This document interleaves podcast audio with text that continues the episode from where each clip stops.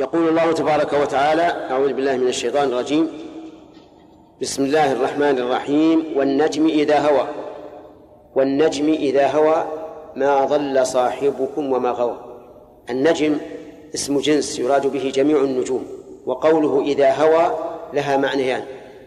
المعنى الأول إذا غاب والمعنى الثاني إذا هوى أي إذا سقط منه شهاب على الشياطين التي تسترق السمع. ما ضل صاحبكم وما غوى. هذا جواب القسم. والنجم إذا هوى المقسم به. جواب القسم يعني المقسم عليه ما ضل صاحبكم وما غوى. ما ضل أي ما جهل. وما غوى أي ما عانى. لأن مخالفة الحق إما أن تكون عن جهل وإما أن تكون عن غي.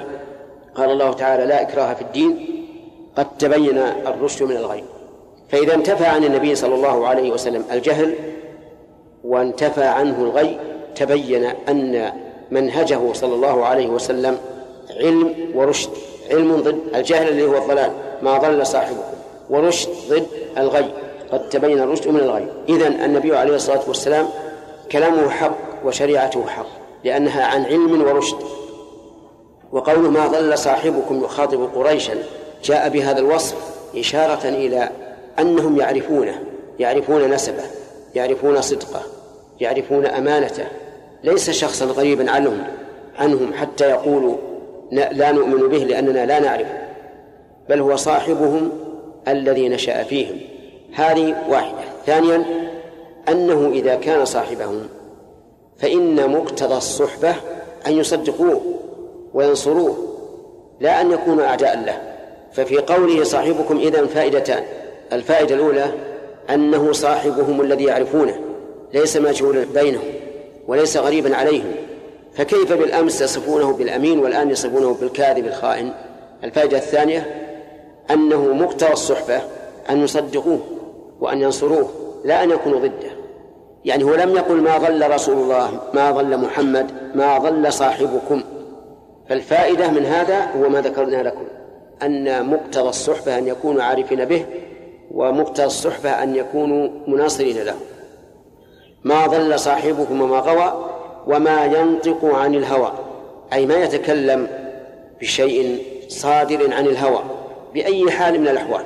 فما حكم بشيء من أجل الهوى ولكنه ينطق بما أوحي إليه من القرآن وما أوحي إليه من السنة وما اجتهد به صلى الله عليه وعلى آله وسلم اجتهادا يريد به المصلحة.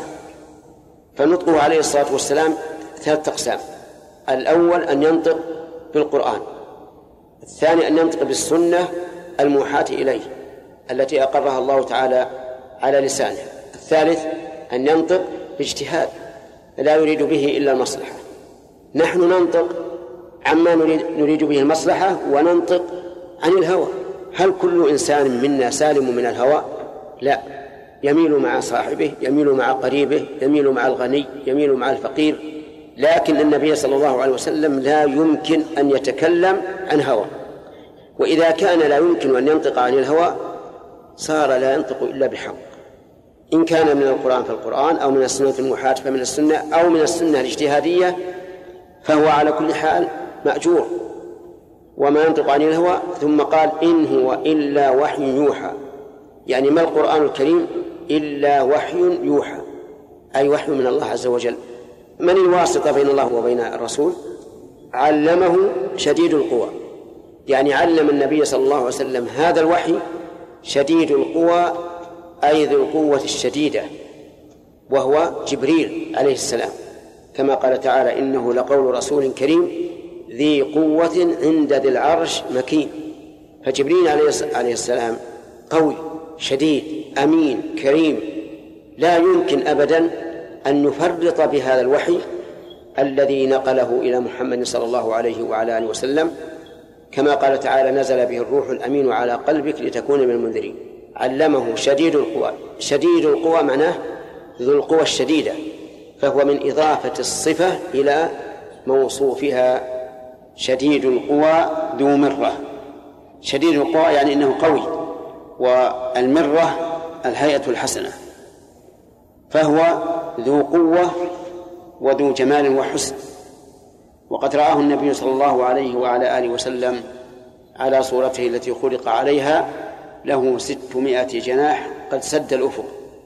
فهو الذي نزل بهذا القرآن حتى ألقاه على رسول الله صلى الله عليه وسلم كما قال تعالى نزل به الروح الأمين على قلبك لتكون من المنذرين بلسان عربي مبين.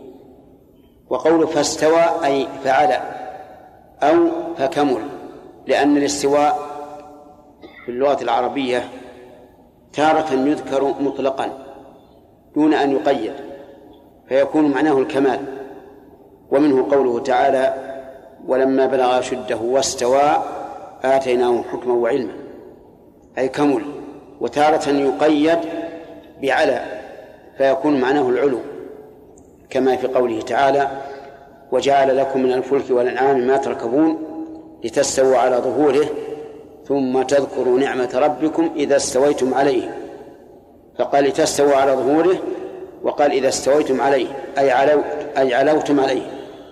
ومنه قوله تعالى فيما وصف به نفسه الرحمن على العرش استوى أي على عليه عز وجل العلو الخاص بالعرش وهذا غير العلو المطلق على جميع المخلوقات. وتارة يتعدى بإلى يقال استوى إلى كذا فيفسر بأنه القصد والانتهاء. ومنه قوله تعالى ثم استوى إلى السماء وهي دخان. وتارة يقيد بالواو فيكون معناه التساوي مثل قولهم استوى الماء والخشبة أي ساواها. فقوله هنا فاستوى يحتمل أن المعنى استوى على لأن جبريل ينزل من السماء فيلقي الوحي على النبي صلى الله عليه وعلى آله وسلم ثم يصعد إلى السماء ويحتمل المعنى كمل ويكون كامل القوة. كامل الهيئة كامل من كل وجه مما يليق بالمخلوقات. وهو بالأفق الأعلى أي جبريل عليه الصلاة والسلام بالأفق الأعلى أي الأرفع وهو أفق السماء. ثم دنا فتدلى دنا من النبي صلى الله عليه وسلم فتدلى أي قرب من فوق. فكان أي جبريل من النبي صلى الله عليه وسلم قاب قوسين أو أدنى. وهذا مثل يضرب للقرب. قاب قوسين يعني قريبا جدا بل أدنى. فقوله أو أدنى بمعنى بل أي بل هو أدنى من ذلك. فأوحى أي جبريل إلى عبده ما أوحى أي إلى عبد الله. فالضمير في أوحى يعود على جبريل والضمير في عبده يعود إلى الله عز وجل.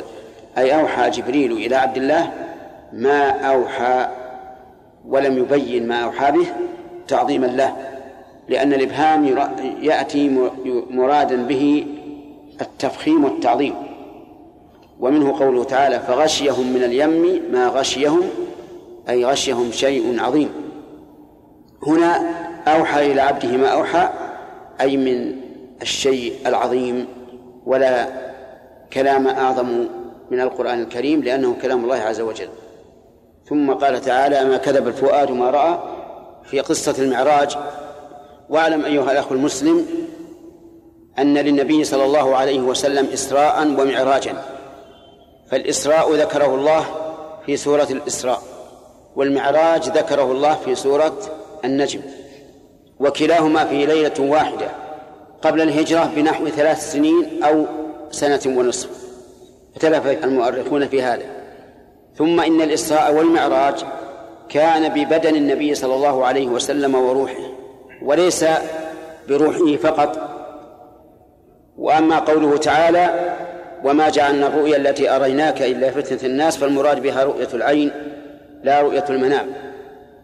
يقول الله تعالى في سياق الآيات في المعراج ما كذب الفؤاد ما رأى الفؤاد القلب. والمعنى أن ما رآه النبي صلى الله عليه وسلم في عينه فإنه رآه بقلبه وتيقنه وعلمه. وذلك أن العين قد ترى شيئا فيكذبها القلب وقد يرى القلب شيئا فتكذبه العين. فمثلا الإنسان قد يرى شبحا بعينه فيظنه فلان ابن فلان. ولكن القلب يأبى هذا لأنه يعلم أن فلان ابن فلان لم يكن في هذا المكان. فهنا العين رأت والقلب كذب. أو بالعكس قد يتخيل الإنسان الشيء في قلبه ولكن العين تكذبه. أما ما رآه النبي صلى الله عليه وعلى آله وسلم ليلة المعراج فإنه رآه حقا ببصره وبصيرته. ولهذا قال ما كذب الفؤاد ما رأى. بل تطابق القلب مع رؤية العين. فلم يكن النبي صلى الله عليه وعلى آله وسلم كاذبا فيما رآه من الآيات العظيمة في تلك الليلة. بل هو صادق ولكن تعلمون أن المشركين كذبوه. وقالوا كيف يمكن أن يصل إلى بيت المقدس ويعرج إلى السماء في ليلة واحدة؟ ولهذا قال أفتمارونه على ما يرى. والاستفهام هنا للإنكار والتعجب.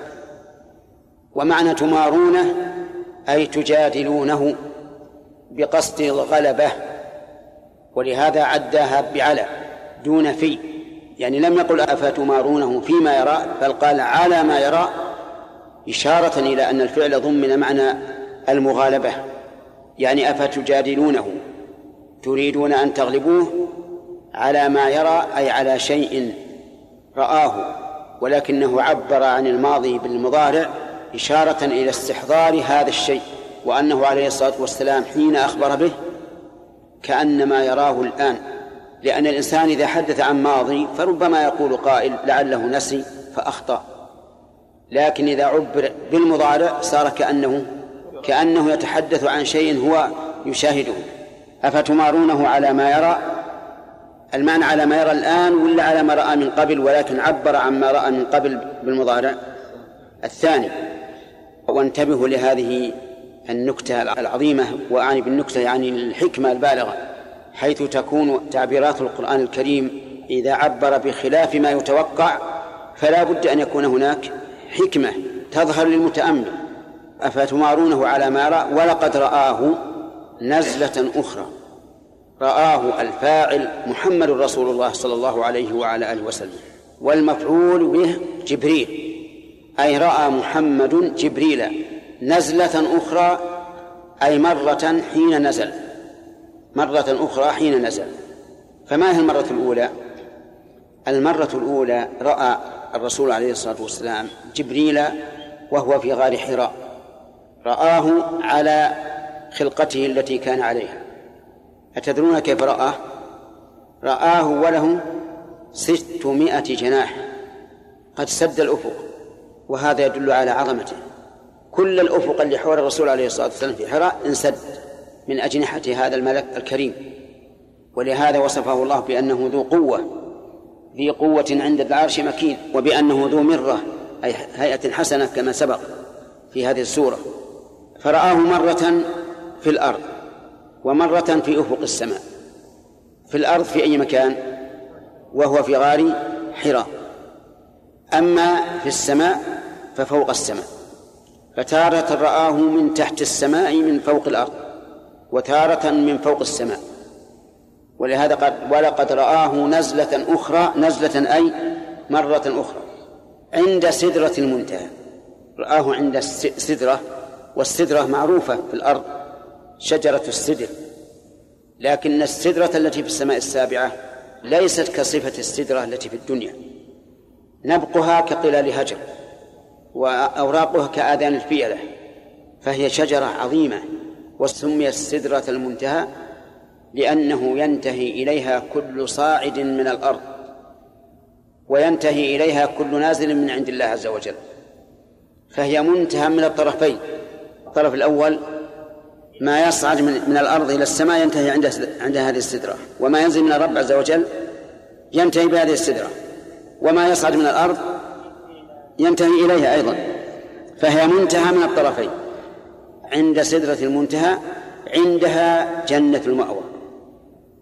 إذا الجنة فوق السماء السابعة.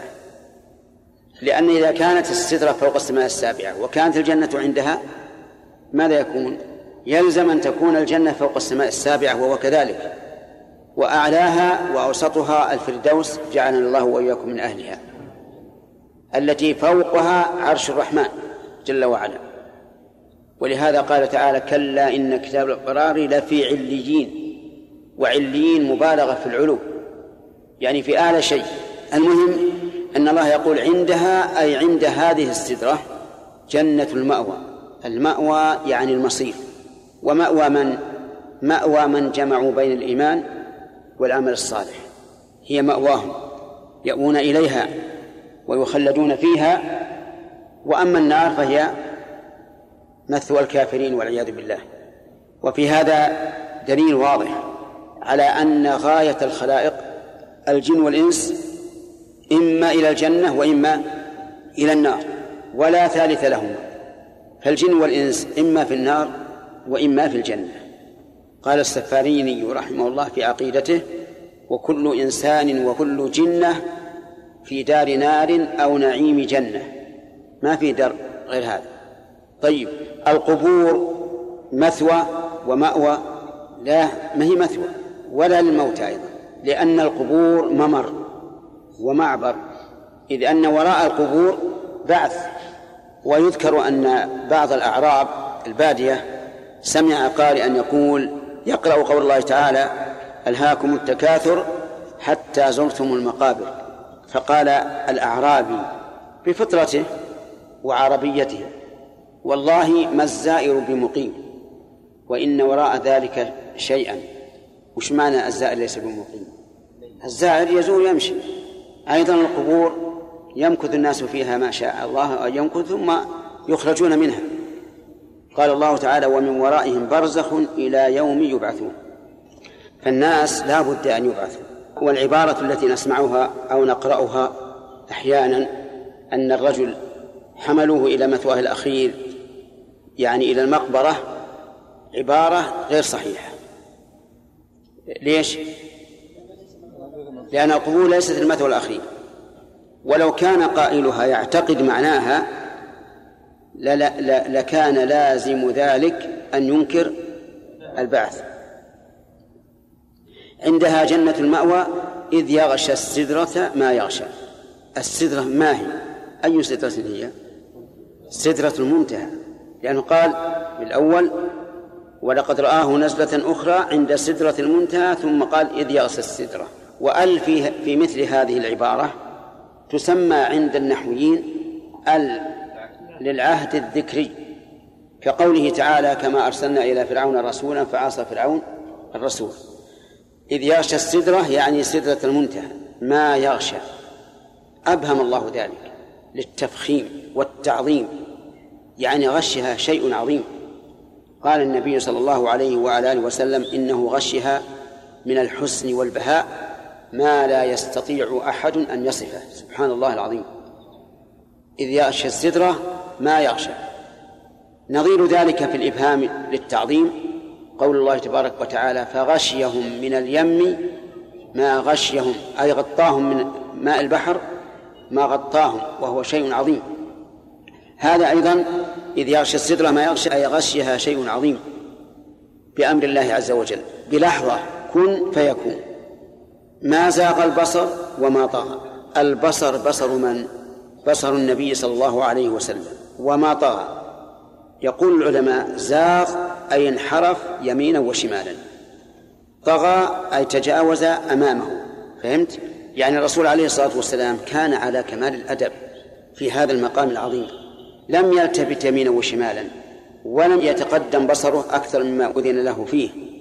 وهذا من كمال أدبه عليه الصلاة والسلام. جرت العادة أن الإنسان إذا دخل منزلا غريبا تجده ينظر يمين وشمال وش هذا المنزل خصوصا إذا تغير تغيرا عظيما في هذه اللحظة. لا بد أن ننظر ما الذي حدث لكن لكمال أدب النبي صلى الله عليه وسلم ورباطة جأسه صلوات الله وسلامه عليه وتحمله ما لا يتحمله بشر سواه صار في هذا الأدب العظيم. ما زاغ البصر بصر من؟ الرسول صلى الله عليه وسلم. أي من حرف يمينا ولا شمالا ما التفت يمين ولا شمال وما طغى ما تجاوز أمامه بل كان على غاية من كمال الأدب عليه الصلاة والسلام. ولهذا قال الله عنه وإنك لعلى خلق عظيم. ثم قال عز وجل لقد رأى من آيات ربه الكبرى. رأى من؟ الرسول صلى الله عليه وسلم. لقد رأى. وأنت أخي المسلم القارئ للقرآن. يمر بك مثل هذا التعبير دائما. لقد رأى. لقد خلقنا الإنسان في كبد. ولقد خلقنا الإنسان من سلالة من طين. إلى آخره كثيرا من الأمثلة.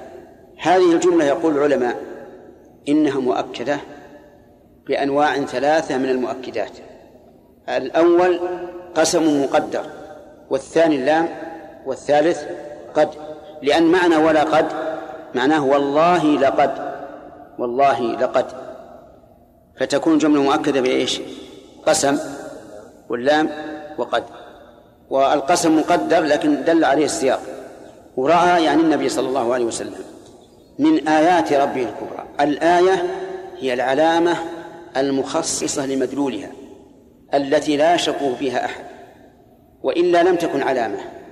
يعني لم تكن آية. فالآية لا بد أن تكون خاصة بمدلولها. فليس كل علامة آية. بل هي التي تختص بمدلولها. هذا الذي رآه النبي عليه الصلاة والسلام من آيات الله كبير عظيم. وقولها الكبرى قيل إنها مفعول ثاني لرأى. لقد رأى من آيات ربه الآية الكبرى. وقيل إن الكبرى صفة لآيات. والمعنى أنه رأى من آيات الله الكبيرة. والثاني أصح وأقرب. يعني أنه رأى من الآيات الكبرى ما رأى. وليس ما رآه أكبر شيء. بل قد يكون هناك شيء أكبر ما نعلمه. والحاصل أن الرسول رأى في هذا المعراج رأى من آيات الله الكبيرة ما لم يكن يره من قبل وما لا يستطيع الصبر عليه أحد من البشر. نحن لو رأينا سرادقا عظيما لملك من الملوك لانبهرنا.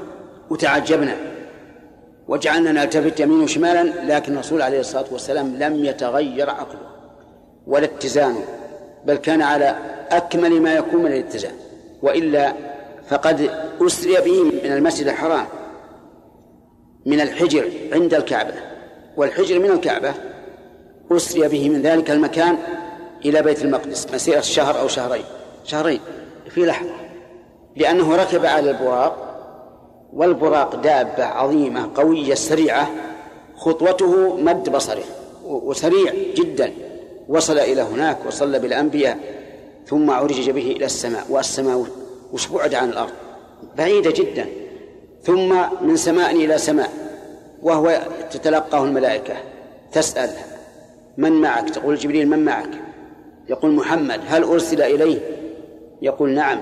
ثم يسلم على بعض من في في السماوات من الأنبياء ثم تفرض عليه الصلاة ويتردد بين الله وموسى كل هذا وهو ثابت الجأش عليه الصلاة والسلام. وهذا شيء حقيقي هو بنفسه عليه الصلاة والسلام صعد ولهذا لما جاء وحدث الناس من الغد أنكرته قريش. لأنها تنكر ما لا, ما لا يمكن في عقلها. وإنكار ما لا يمكن في العقل ليس خاصا بكفار قريش. حتى في من ينتسب لهذه الأمة أنكروا من صفات الله ما لا تدركه عقولهم. أليس كذلك؟ في أناس ينتسبون للأمة الإسلامية وهم من أهلها. أنكروا شيئا من صفات الله أثبته الله لنفسه لأنه على زعمهم لا يمكن في العقل. قريش أنكرت هذا المعراج. أرأيتم لو كان مناما هل تنكره قريش؟ ما تنكره لأن المنامات يكون فيها مثل هذا. لكنه أمر حسي حقيقي أسري بالرسول عليه الصلاة والسلام بجسده وعرج به في ليلة واحدة. وحصل هذا كل هالأمور اللي حصلت ثم عاد إلى الأرض وصلى الفجر في مكة عليه الصلاة والسلام. لقد رأى من آيات ربه الكبرى وفي هذا إشارة إلى أن آيات الله عز وجل منها الكبير ومنها ما دون ذلك. ما نقول ومنها الصغير؟ لأن الكبرى اسم تفضيل. وغلط من قال من المفسرين المتأخرين إن الكبرى اسم فاعل بل هي اسم تفضيل. لأن آيات الله عز وجل إما كبيرة وإما كبرى عظمى. فالمعراج الذي حصل لا شك أنه من الآيات الكبرى العظيمة. لما بين الله سبحانه وتعالى ما رآه النبي صلى الله عليه وسلم من آيات ربه العظيمة في الآفاق قال أفرأيتم اللات والعزى؟ وهذا الاستفهام للتحقير والانحطاط أي انحطاط رتبة هذه الأصنام التي ذكرها الله عز وجل. يعني أخبروني بعد أن سمعتم من آيات الله الكبرى ما سمعتم أخبروني عن شأن هذه الأصنام ما قيمتها ما مرتبتها ما عزتها أفرأيتم اللات والعزى ومنات الثالثة الأخرى؟ ثلاثة أصنام مشهورة عند العرب يعبدونها من دون الله يخضعون لها كما يخضعون لله ويتقربون إليها كما يتقربون لله عز وجل. ومع ذلك هم يعتقدون أنها لا تنفعهم عند الشدة. إذا ركبوا في الفلك دعوا الله مخلصين له الدين وعلموا أنه لا ينجيهم من هذه الشدة إلا رب العالمين. لكن الشيطان سول لهم وأملى لهم في عبادة هذه الأصنام التي يدعون أنها تقربهم من الله تعالى. كما قال الله عنهم ما نعبدهم إلا ليقربونا إلى الله زلفى ولكنها في الحقيقة لا تقربهم إلى الله بل تبعدهم منه. أفرأيتم اللات والعزى ومناة الثالثة الثالثة بالنسبة للثنتين قبلها الأخرى يعني المتأخرة. وكأنها والله أعلم دون اللات والعزى في المرتبة عند العرب. ثم قال تعالى منكرا على هؤلاء المشركين ألكم الذكر وله الأنثى. يعني أتجعلون أتجعلون لكم الذكور ولله الإناث؟ وذلك في قولهم إن الملائكة بنات الله وهم لم يشهدوا خلق الملائكة ولم يطلعوا على ذلك. كما قال الله تعالى وجعلوا الملائكة الذين هم عباد الرحمن إناثا أشهدوا خلقهم؟ والجواب؟ جواب. لا لم يشهدوا خلقه لكن مع ذلك ستكتب هذه الشهادة عليه ستكتب شهادتهم ويسألون. نسأل الله العافية. هم إذا بشر أحدهم بالأنثى ماذا يصنع؟ ظل وجهه مسودا وهو كظيم. يتوارى من القوم من سوء ما بشر به. ومع ذلك يجعلون لرب العالمين الذي خلق الذكر والأنثى يجعلون له البنات ويجعلون لأنفسهم البنين. هل هذه القسمة قسمة عدل أو قسمة جور؟ اسمع الجواب. تلك إذا قسمة ضيزة.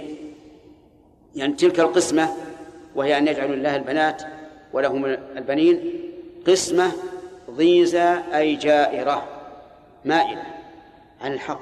لأننا لو قلنا بأنه جائز أن يكون لله ولد لكان الأولى أن يكون له البنون لأن البنين أعلى من البنات بلا شك وهو سبحانه وتعالى أعلى من المخلوقين فيجب أن يكون الأعلى للأعلى والأدنى للأدنى هذه القسمة العادلة. ثم هناك قسمة أخرى دونها في العدل لكنها فيها عدل أن يجعلوا لله البنات ولهم بنات ولله بنين ولهم بنين. لكن ما فعلوا هذا. جعلوا الأدنى للخالق والأعلى لهم. ولهذا قال عز وجل تلك إذا قسمة ضيزى. ثم عاد الله عز وجل إلى بيان حقيقة هذه الأصنام المعبودة فقال إن هي إلا أسماء سميتموها. إن هنا نافية بمعنى ما. وهذا ضابط ينتفع به طالب العلم أنه إذا أتت إلا مثبتة بعد إن فإن هنا تكون تكون نافية مثل إن هذا إلا بشر إن هذا إلا مجتهد وما أشبه ذلك. فإن هنا نافية بمعنى ما هي إلا أسماء سميتموها. يعني ما هذه الأصنام إلا مجرد أسماء لا حقيقة لها. أسماء سموها إله سموها معبودا ولكنه لا حقيقة لذلك. ما هي إلا مجرد أسماء؟ وهل الاسم يدل على مسماه؟ لا. لو أنك سميت الحديد خشبا ما صار خشبا. ولو سميت الخشب حديدا ما صار حديدا. ولو سميت البغل حمارا لم يكن حمارا. وهكذا. هذه الأصنام يسمونها آلهة. هل تكون إلها؟ لا. مجرد اسم. والاسم بلا مسمى لا فائدة منه. ولهذا قال إن هي أي ما هذه الأصنام والمسميات إلا أسماء سميتموها أنتم وآباؤكم ما أنزل الله بها من سلطان أنتم المخاطبون الذين أدركوا البعثة وآباؤكم يعني الأجداد السابقين مجرد الاسم. ما أنزل الله بها من سلطان. ما نافية. يعني يعني أن الله عز وجل لم ينزل بها دليلا. وسمي الدليل سلطانا لأن صاحب الدليل معه سلطة يعلو بها على خصمه. ومن ليس له بدليل ليس له سلطان. فالسلطان يأتي دائما بمعنى الحجة أي الدليل لأن من معه الدليل ذو سلطة على من؟ على خصمه. ذو سلطة على خصمه. ما أنزل الله به من سلطان. إن يتبعون إلا الظن. ماذا تقولون في إن يتبعون إلا الظن؟ نافية. بمعنى ما؟ بناء على الضابط الذي ذكرته لكم. أنه إذا جاءت إلا مثبتة بعد إن فإن تكون نافية. إن يتبعون أي هؤلاء وآباؤهم إلا الظن أي الوهم الذي لا حقيقة له. لأنهم يقولون هذه آلهة على أي شيء اعتمدوا؟ على الوهم. فالظن هنا بمعنى الوهم. يعني ما يتبع هؤلاء بقولهم إنها آلهة إلا الظن أي الوهم الخيال الذي لا حقيقة له. إن يتبعون إلى الظن وما تهوى الأنفس يعني وما تميل إليه نفوسهم من الباطل. ثم قال عز وجل ولقد جاءهم من ربهم الهدى. الجملة هنا مؤكدة بثلاثة مؤكدات. القسم المحذوف واللام وقد والتعبير على هذا الوجه كثير في القرآن الكريم وهو مؤكد وهو تأكيد بثلاثة مؤكدات كما قلت لكم القسم واللام وقد القسم تقديره والله لقد جاءهم من ربهم الهدى واللام موجودة والقد موجودة فيؤكد الله عز وجل هنا أنه قد جاءهم من ربهم الهدى وفي قوله ولقد جاءهم من ربهم ولم يقل من الله إشارة إلى أنه لا يجوز تلقي الشريعة إلا من عند الله لأن الله سبحانه وتعالى هو الرب والرب هو الخالق المالك المدبر. الهدى فاعل جاء والمراد به العلم المقابل بقوله بقوله إن يتبعون إلا الظن. هم يتبعون الظن والعلم جاء من عند الله. ولقد جاءهم من ربهم الهدى أي العلم على لسان من؟ على لسان رسله عليهم الصلاة والسلام الذين ختموا للنبي صلى الله عليه وعلى آله وسلم. أم للإنسان ما تمنى أم هنا منقطعة لأنها تأتي منقطعة وتأتي متصلة. إذا كان هناك مقابل فهي متصلة وإذا لم يكن مقابل فهي منقطعة.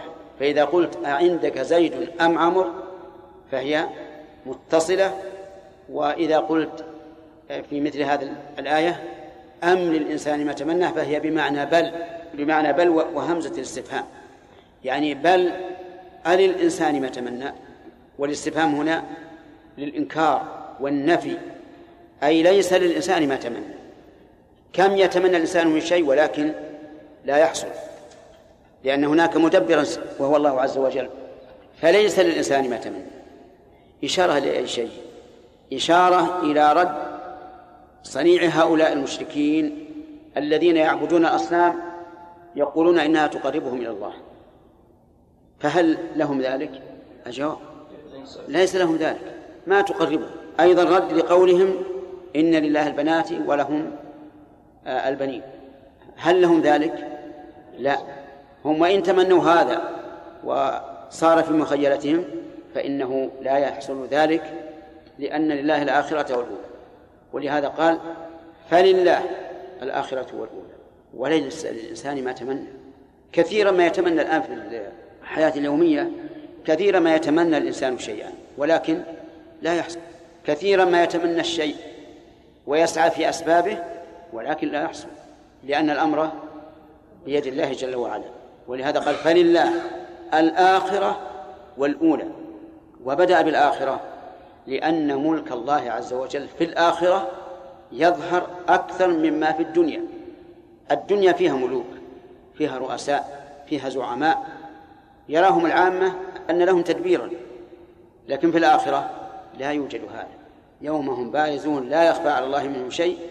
لمن الملك اليوم لله الواحد القهار. هكذا قال الله عز وجل فلله الآخرة والأولى وكم من ملك في السماوات لا تغني شفاعتهم شيئا إلا من بعد أن يأذن الله لمن يشاء ويرضى. كم تكثيرية؟ لأنها تأتي تكثيرية يعني كثيرا ما وتأتي استفهامية. فإذا قلت لك كم مالك؟ استفهامية.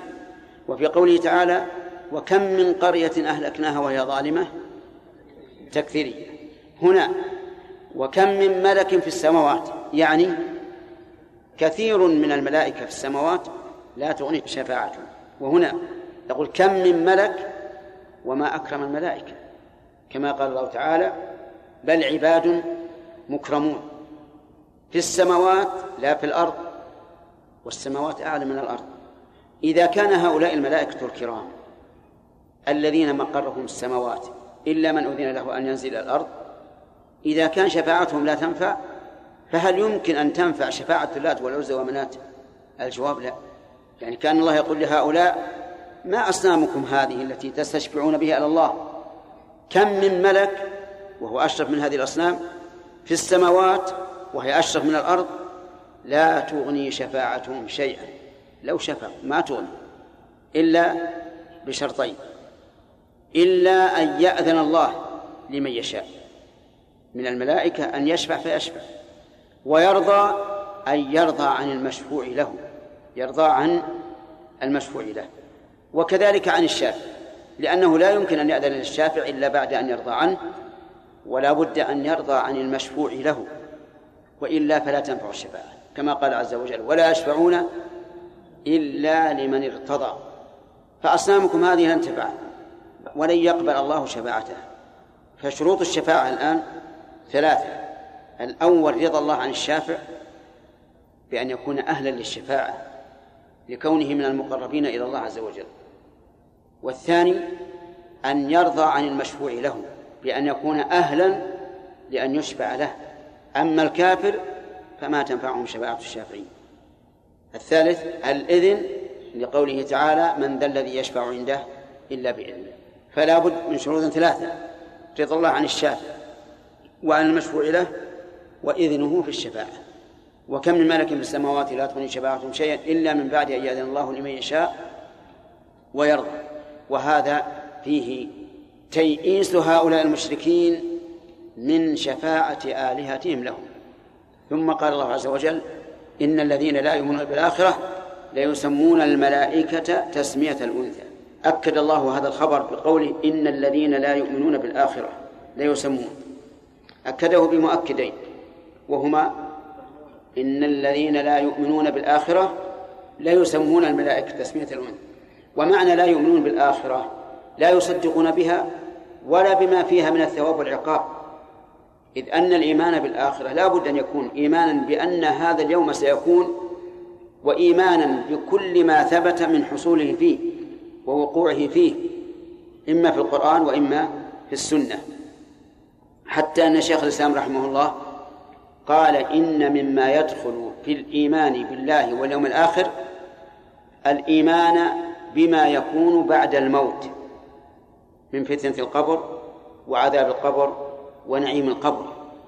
وصدق رحمه الله لأن الإنسان إذا مات قامت قيامته انتهى من الدنيا كأن لم يكن. فكما أنه أتى على الإنسان حين من الدهر لم يكن شيئا مذكورا فسيأتي عليه حين من الدهر لم يكن إلا خبرا من الأخبار. كما قال الشاعر الحكيم في الدنيا بين يرى الإنسان فيها مخبرا حتى يرى خبرا من الأخبار.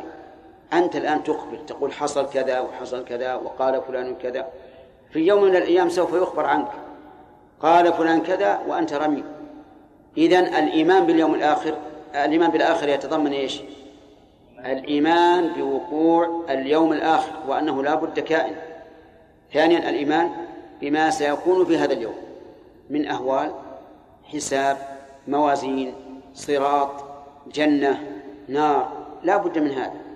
كذلك يدخل في الإيمان باليوم الآخر الإيمان بما يكون في القبر من فتنة القبر وهي أي فتنة القبر سؤال الملكين الميت عن ثلاثة أشياء من ربك ما دينك من نبيك. إن الذين لا يؤمنون بالآخرة هل أحد من الناس لا يؤمن بالآخرة؟ نعم كثير من الناس أكثر الناس لا يؤمنون بالآخرة.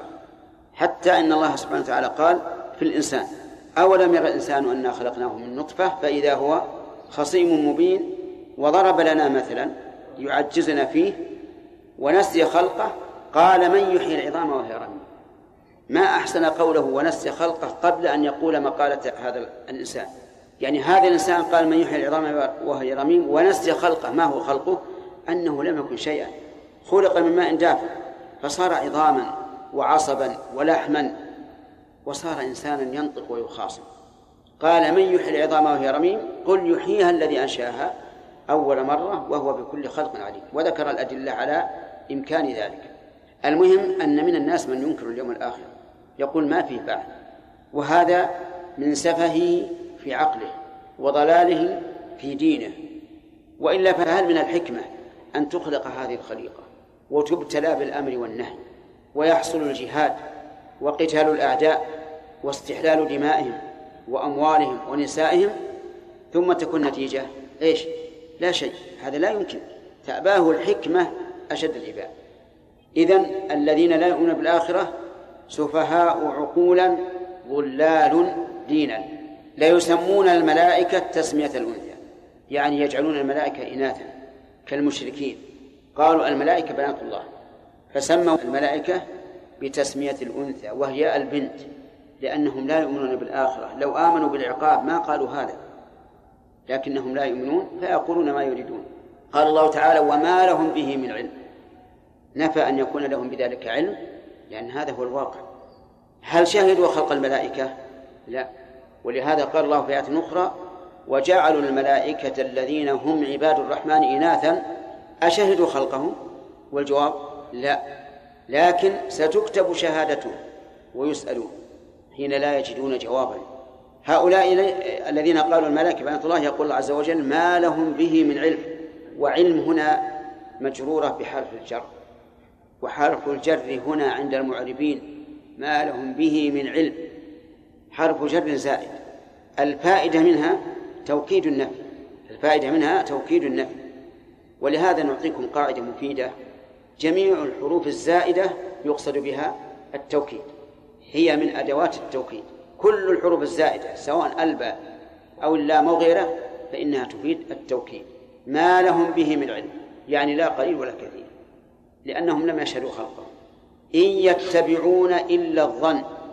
إن يتبعون إن هنا بمعنى ما والضابط أنه إذا جاءت إلا بعد إن فهي بمعنى ما إن هذا إلا بشر أي ما هذا إلا بشر إن هذا إلا ملك كريم أي ما هذا إلا ملك كريم إن أنتم إلا بشر مثلنا أي ما أنتم إلا بشر مثلنا إن هم إلا يظنون أي ما هم إلا يظنون. والأمثلة على هذا كثيرة إن يتبعون إلا الظن يعني ما يتبعون إلا الظن والمراد بالظن هنا الوهم الكاذب الوهم الكاذب وليس المراد بالظن هنا الراجح من أحد الاحتمالين. وانتبه لهذه النقطة. أن الظن يأتي بمعنى التهمة ويأتي بمعنى رجحان الشيء ويأتي بمعنى اليقين. كم هذا يا أخي؟ ثلاثة. بمعنى التهمة ثاني رجحان الشيء الثالث اليقين. قال الله تعالى الذين يظنون أنهم ملاقوا ربهم. المراد إيش؟ اليقين. ما يكفي الظن في اليوم الآخر. لا بد تيقن وقال النبي عليه الصلاة والسلام إذا شك أحدكم في صلاته فليتحرى الصواب. والتحري هنا يعني الظن الغالب. وهنا إنهم لا يظنون ظن الاتهام. يعني يظنون ظنا هو وهم ليس له أصل. بعض العلماء أخذ من هذه الآية أنه لا يجوز العمل بالظن في المسائل الفقهية وغيرها وهذا خطأ لأن كثيرا من المسائل الفقهية ظنية إما لخفاء الدليل أو خفاء الدلالة. ليس كل مسألة في الفقه يقول بها الإنسان على سبيل اليقين أبدا بل بعضها يقين وبعضها ظن. والظن إذا تعذر اليقين مما أحله الله والحمد لله من نعمة الله أنه إذا تعذر اليقين رجعنا إلى إلى غلبة الظن. فليس كل ظن منكرا. لكن الظن الذي ليس له أصل يبنى عليه هذا هو المنكر. هؤلاء الذين سموا الملائكة تسمية الأنثى هل لهم بذلك علم؟ أبدا. ظن مبني على وهم وربما يكون مبنيا على هوى. يعني أنه لم يطرأ ببالهم أنها أنهم إناث لكن اتبعوا آباءهم. وإن الظن لا يغني من الحق شيئا. وإن الظن أي ظن هذا؟ الوهم المبني على الوهم لا على القرائن. لا يغني من الحق شيئا أي لا يفيد شيئا من الحق لأنه وهم باطل. والوهم الباطل لا لا يمكن أن يفيد. ثم قال عز وجل فأعرض عمن تولى عن ذكرنا ولم يرد إلا الحياة الدنيا. أعرض الخطاب للرسول صلى الله عليه وعلى آله وسلم.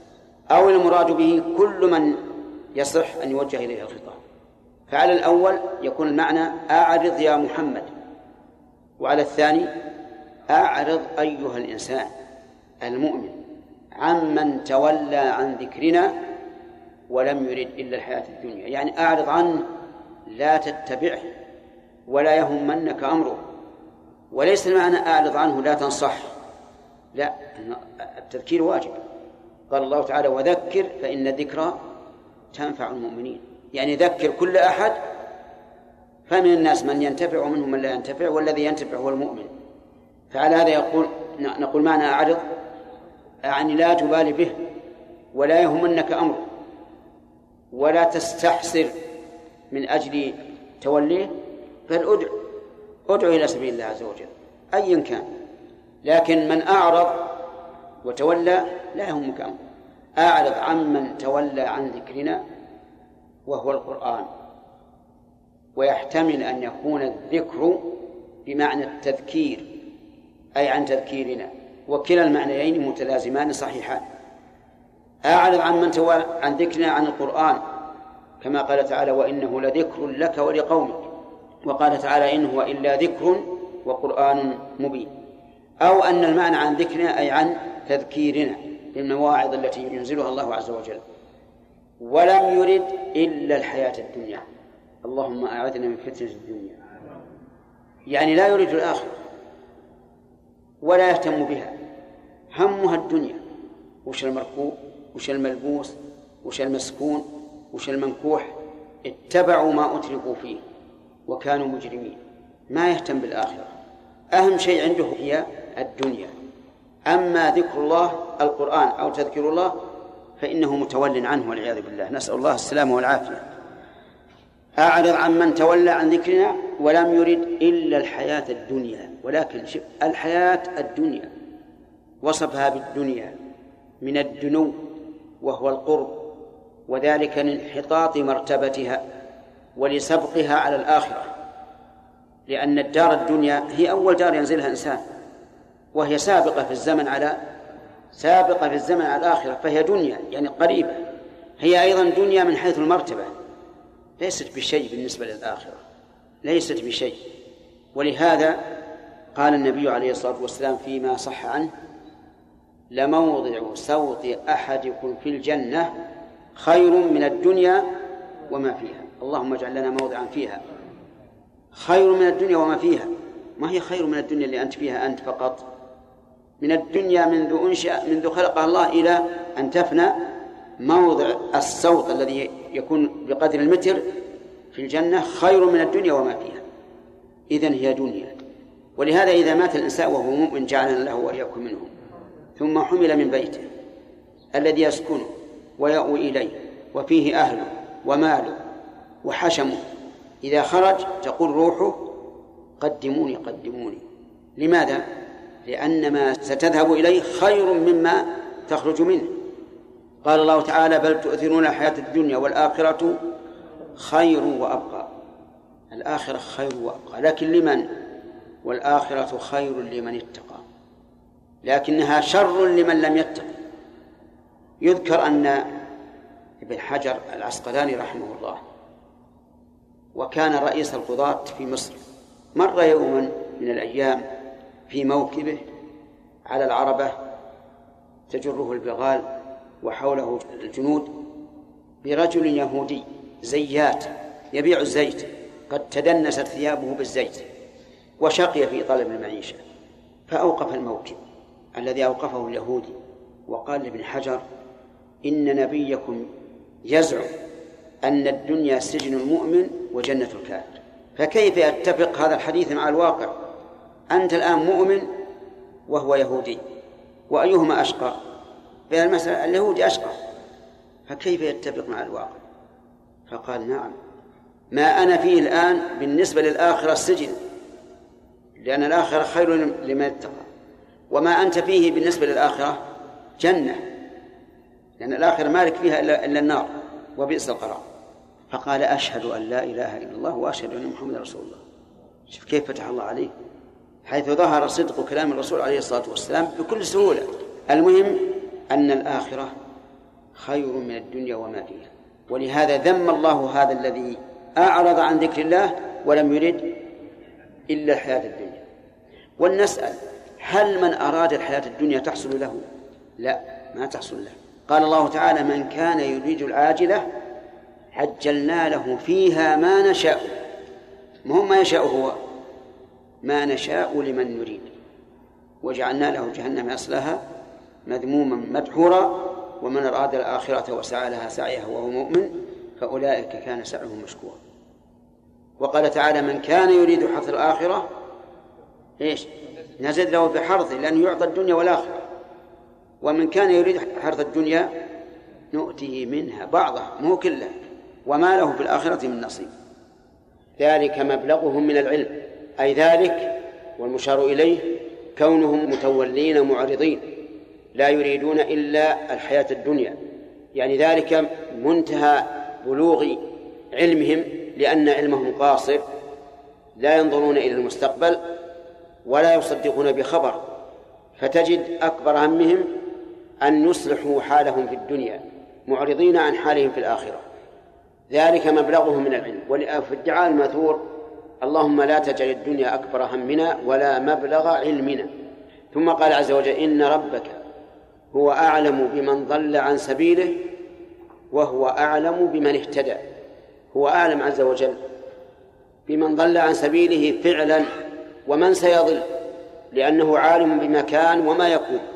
فقول بمن ضل لا تعني أنه لا يعلم إلا من حصل منه الضلال بالفعل بل هو يعلم من حصل منه الضلال بالفعل ومن سيحصل منه لأن الله سبحانه وتعالى موصوف بالعلم التام في الحاضر والمستقبل والماضي. وقوله وهو أعلم بمن اهتدى ضد الضلال فالناس بين فئتين إما مهتدي وإما ضال. وإنما بين الله سبحانه وتعالى أنه أعلم بمن ضل عن سبيله وأعلم بمن اهتدى لفائدتين. الفائدة الأولى أن نعلم أن ما وقع من الضلال والهداية فهو صادر عن علم الله وبإرادته. إذ لا يمكن أن يوجد في خلقه خلاف معلومة واضح؟ لا يمكن أن يوجد في خلقه خلاف معلومة. لو قدر أن يوجد في خلقه خلاف معلومة لكان الله جاهلا وحاشاه من ذلك. الفائدة الثانية التحذير من الضلال والترغيب في الإهتداء. ما دام الإنسان يعلم أن أي عمل صدر منه فعلمه عند الله فإنه سوف يخشى أن يعصي الله وسوف يرضى أن يرضي الله عز وجل. فإذا الفائدة أمران الأولى ترغيب في الهداية أو في الاهتداء والترهيب من من الضلال. يعني كأنه يقول إن ضللت فالله أعلم بك وإن اهتديت فالله أعلم بك. فيجزي الذين أساءوا بما عملوا ويجزي الذين أحسنوا بالحسنى. إن ربك هو أعلم بمن ضل عن سبيله وهو أعلم بمن اهتدى. ثم قال الله تبارك وتعالى ولله ما في السماوات وما في الأرض. يقول علماء البلاغة إنه إذا تقدم شيء حقه التأخير فهو دليل على الحصر والتخصيص. فلننظر في هذه الآية؟ هل فيها تأخير وتقديم؟ لله ما في السماوات وما في الأرض. لله هذه خبر مقدم وما في السماوات مبتدأ مؤخر. إذا قدم فيها ما حقه التأخير وهو الخبر لأن حق الخبر أن يكون متأخرا عن عن المبتدأ. تقول الرجل قائم ولا تقول قائم الرجل. الأصل أن المبتدأ على اسمه يكون هو الأول والخبر هو الثاني. لكن أحيانا يقدم الخبر لفائدة. فهنا الفائدة ولله ما في السماوات. الفائدة الحصر يا أخوان. الحصر يعني لله لا لغيره. ما في السماوات وما في الأرض. ولا أحد يملك ما في السماوات وما في الأرض إلا الله تبارك وتعالى. نحن نملك ما نملك من أموالنا لكن هل ملكنا عام؟ ليس عام. حقيبتي ليست حقيبة لك وحقيبتك ليست حقيبة لي. فأملاكنا ليست عامة ثم هل نحن نملك التصرف بما هو ملكنا كما نشاء؟ لا تصرفنا محدود حسب الشريعة. ولهذا لو تراضى اثنان في بيع الربا قلنا إنكما لا تملكان ذلك. لو أراد الإنسان أن يحرق ماله قلنا هذا ممنوع. إذن ملك غير الله قاصر غير شامل وملك غير الله قاصر حتى بالتصرف. الواحد من منا لا يملك أن يتصرف في ماله كما يشاء لأن تصرفنا في المال تصرفنا في المال محدود حسب ما جاءت به الشريعة. إذن الملك التام الواسع الشامل لمن؟ لله عز وجل. ولهذا قال لله ملك السماوات والأرض فهو مالك لذواتهما مالك لما فيهما أيضا وكم من ملك في السماوات كم من مخلوق في الأرض كله ملك لله عز وجل يتصرف فيه كما يشاء حسب ما تقتضيه حكمته. وإيماننا بهذا يا إخواننا إيماننا بأن لله ملك السماوات والأرض يفيد أيضا فائدتين عظيمتين. الفائدة الأولى الرضا بقضاء الله. هو أن الله عز وجل لو قضى عليك مرضا لا تعترض. لو قضى عليك فقرا لا تعترض. لماذا؟ لأنك ملك يتصرف فيك كما يشاء. فهو كما يتصرف في السحاب. يمطر أو لا يمطر يمضي أو لا يمضي. ويتصرف في الشمس والقمر ويتصرف في المخلوقات يتصرف فيك أيضا كما يشاء. إن شاء أعطاك مرض أعطاك صحة وإن شاء سلبها. إن شاء أعطاك عقلا وإن شاء سلبك. إن شاء أعطاك مالا وإن شاء سلبك. أنت ملك. فإذا آمنت بهذا رضيت بقضائه. كذلك أيضا الفائدة الثانية الرضا بشرعه وقبول شرعه والقيام به. لأنك ملك. قال لك افعل افعل. قال لا تفعل لا تفعل. أرأيت لو كان لك ملك عبد رقيق فأمرته ولكنه لم يفعل. هل تعتقد أن سيادتك تامة عليه؟ لا. أو نهيته ففعل فالسيادة ناقصة. إذن أنت إذا عصيت ربك إما بفعل محرم وإما بترك واجب فإنك خرجت عن مقتضى العبودية التامة. لأن مقتضى العبودية التامة إيش؟ أن تخضع لشرعه كما أنك خاضع كرها أو طاع أو طائعا لقضائه وقدره. انتبه يا أخي. ليس معنى قوله تعالى ولله السماوات والأرض أن يخبرنا أنه مالك فقط. لكن لأجل أن نعتقد مقتضى هذا الملك. وما هو مقتضاه الرضا بقضائه والرضا بشرعه. هذا حقيقة الملك. ولله ملك السماوات والأرض ليجزي الذين أساءوا بما عملوا ويجزي الذين أحسنوا بالحسنى. شوف اللي جاء بكلمة اللام ليجزي. يعني كأن قائلا يقول وإذا تبين أن الملك لله عز وجل فما النتيجة؟ النتيجة أن الناس بين محسن وبين مسيء. كما قال عز وجل هو الذي خلقكم فمنكم كافر ومنكم مؤمن. إذا كانوا بين محسن ومسيء فما جزاء كل واحد؟ ليجزي الذين أساءوا بما عملوا. الذين أساءوا وهم الذين خالفوا المأمور أو ارتكبوا المحظور. هذه القاعدة هذا الضابط. الذين أساءوا أي خالفوا المأمور أو فرع المحظور. هؤلاء أساءوا. ليجزيهم بما عملوا بما عملوا. السيئة بالسيئة لا تزيد. أو يعفو عز وجل في من يستحق العفو وهو كل من مات على غير الشرك مستحق للعفو. إن الله لا يغفر أن يشرك به ويغفر ما دون ذلك لمن يشاء. المهم أنه لا يمكن أن يزيد سيئة لم يعملها الإنسان. ولهذا قال ليجزي الذين أساءوا بإيش؟ بما عملوا بدون زيادة. ويجزي الذين أحسنوا بالحسنى ولم يقل بما عملوا. لأن فضل الله أوسع من أعمالنا. يجزي الذين أحسنوا بالحسنى.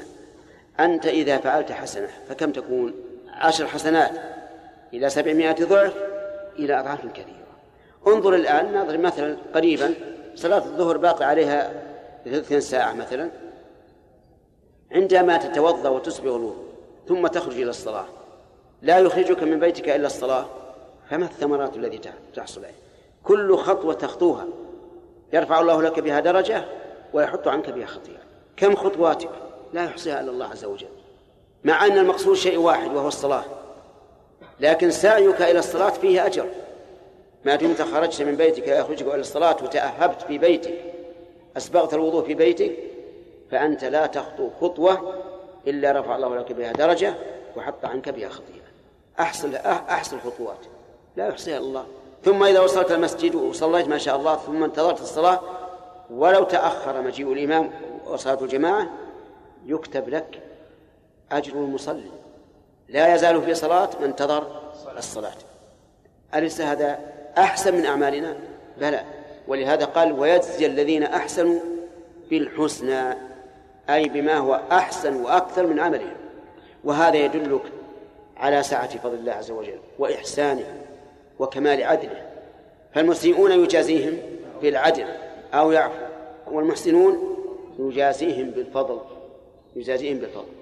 ويجزي الذين أحسنوا بالحسنى ثم ذكر شيئا من أوصافه فقال الذين يجتنبون كبائر الإثم والفواحش إلا اللمم. الذين يجتنبون أي يبتعدون عنها. وسمي الابتعاد اجتنابا لأن الإنسان يقع في جانب والذي أبعد عنه يقع في جانب آخر فيبعدون ولا يتصلون كبائر الإثم والفواحش إلا اللمم. طيب كبائر الإثم كبائر الإثم هي الكبيرة كبائر جمع كبيرة والكبيرة بعض العلماء عداها وبعض العلماء حدها والصواب الحد أي أنها محدودة وليست معدودة. والذين ذكروها عدا الظاهر والله أعلم أنهم أرادوا المثال. فمثلا إذا قال إنسان هي الشرك بالله والسحر وقتل النفس التي حرم الله بالحق والتولي يوم الزحف وقتل المنات وأكل الربا وأكل مال اليتيم. هذه سبع. إذا قال الإنسان هذا الكبائر ليس معنى قوله أنها محصورة في هذا. إذ من الممكن أن يحمل كلامه على أن ذلك على سبيل التمثيل فقط. أما الذين حدوها يعني جعلوا لها ضابطا يعني ما تعد واحد اثنين ثلاثة أربعة لا ضابط قالوا في ضابطها كل ذنب رتب الله عليه لعنة أو غضب أو سخط أو تبرأ منه أو ما أشبه ذلك فهو كبيرة. ورأيت لبعضهم ومنهم شيخ الإسلام رحمه الله أنه قال كل ذنب جعلت له عقوبة خاصة فهو كبيرة. كل ذنب جعلت له عقوبة خاصة إما في الدنيا أو في الآخرة فهو كبيرة. على هذا الزنا فيه عقوبة وهو الجلد أو الرجم. السرقة كبيرة قطع الطريق كبيرة عقوق الوالدين كبيرة وهل مجرة كلما رأيت شيئا من الذنوب جعل الشارع له عقوبة خاصة فهو كبيرة أما الذنب الذي نهي عنه فقط فهو صغير. كنظر الرجل للمرأة مثلا الأجنبية للشهوة هذا ليس كبيرا هو صغيرة من الصغائر. لكن إن أصر الإنسان عليه وصار هذا ديدنه صار كبيرة بالإصرار لا بالفعل. مكالمة المرأة على وجه التلذذ حرام وليس بكبيرة. ولكن إذا أصر الإنسان عليه وصار ليس له هم إلا أن يشغل الهاتف على هؤلاء النساء ويتحدث إليهن صار كبيرة فالإصرار على الصغيرة يجعلها كبيرة من حيث من حيث الإصرار. لأن إصراره على الصغيرة يدل على تهاونه بالله عز وجل وأنه غير مبال بما حرم الله. إذا كبائر الإثم كل ذنب رتب الشارع عليه عقوبة خاصة إما في الدنيا وإما في الآخرة. وأما ما حرمه وسكت ولم يذكر له عقوبة خاصة بل دخل في العموم فهذا من الصغائر. ولكن الصغائر إذا أصر عليها صارت كبيرة من حيث الإصرار. وقوله والفواحش هذه كبائر الكبائر لأن الكبائر منها ما هو فاحشة يستفحش ويستعظم ويستقبح بشدة ومنها ما هو دون ذلك. فمثلا الزنا فاحشة ولا تقربوا الزنا إنه كان فاحشة اللواط فاحشة أعظم من الزنا لأن الله قال في الزنا لا تقربوا الزنا إنه كان فاحشا. وقال في اللواط لوط لقومه أتأتون الفاحشة؟ فأتى بأل الدالة على القبح وأنها جامعة لكل أنواع الفواحش الفاحشة نكاح المحارم فاحشة. قال الله تعالى ولا تنكحوا ما نكح آباؤكم من النساء إنه كان فاحشة ومقتا وساء سبيلا. فهو أشد من الزنا. يعني لو زان الإنسان بامرأة أجنبية منه وبأم زوجته مثلا صار الثاني أعظم وأشد وأشنع. ولهذا كان القول الراجح من أقوال العلماء أن من زنى بامرأة من محارمه وإن لم يكن محصنا فإنه يرجع. يعني الزنا بذوات المحارم ما في جلد ما فيه إلا الرجم لأن الله فرق بين الزنا وبين نكاح ذوات المحارم. نكاح ذوات المحارم وصفه بوصفين إنه كان فاحشة ومقتا والزنا وصفه بواحد وهو إنه كان فاحشة وجاءت السنة بالتفريق بينهما. أي بين من زنى بامرأة من محارمه أو بامرأة أجنبية فجعلت الأول فجعلت حد الأول القتل بكل حال وإن لم يتزوج وإن لم يكن ثيبا.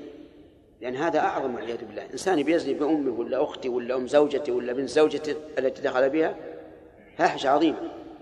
إذا يجتنبون كبائر الإثم والفواحش. قلنا الفواحش كبائر الكبائر. أعظم. طيب. هل نأخذ من هذه الآية أن الكبائر تختلف والفواحش تختلف؟ نعم نأخذ من الآية أنها تختلف لأن الكبائر وصف كلما كان أعظم صار أشد كبيرة والفواحش كذلك. ولهذا الآن أنتم سمعتم لا تنكحوا ما نكح آباؤكم من النساء إنه كان فاحشة ومقتا. لا تقربوا الزنا إنه كان فاحشة. أتأتون الفاحشة ما سبقكم بها من أحد من العالمين؟ فرق الله. أن كل فواحش لكن بعضها أعظم من بعض. إلا اللمم. قوله إلا اللمم قيل إنه استثناء متصل وقيل إنه استثناء منقطع. لأن اللمم الشيء القليل. الشيء القليل هذا اللمم. فهل المعنى إلا الشيء القليل من الكبائر أي أنهم يأتون الشيء القليل من الكبائر؟ أو المعنى إلا اللمم إلا الصغار من الذنوب. الصغائر من الذنوب. إن قلنا بالأول فالاستثناء متصل. وإن قلنا بالثاني فالاستثناء منقطع وتكون إلا بمعنى لكن والمعنى الثاني أقرب من حيث التقسيم لأن الله ذكر الكبائر والفواحش والصغائر. وعلى هذا فيكون معنى إلا اللمم يعني إلا أن هؤلاء الذين أحسنوا يأتون الصغائر. والصغائر والحمد لله مكفرة بالحسنات مكفرة بالحسنات. قال الله تعالى إن تجتنبوا كبائر ما تنهون عنه يكفر سيئاتكم عنكم سيئاتكم. وأخبر النبي عليه الصلاة والسلام أن الصلوات الخمس والجمعة إلى الجمعة ورمضان إلى رمضان مكفرات لما بينهن إذا اجتنبت الكبائر. وقال عليه الصلاة والسلام العمرة إلى العمرة كفارة لما بينهما. وعلى هذا فيكون المعنى أن الصغائر تقع مكفرة إما باجتناب الكبائر أو باجتناب الكبائر مضموما إليها فعل هذه الحسنات العظيمة الصلاة الصلوات الخمس الجمعة إلى الجمعة رمضان إلى رمضان.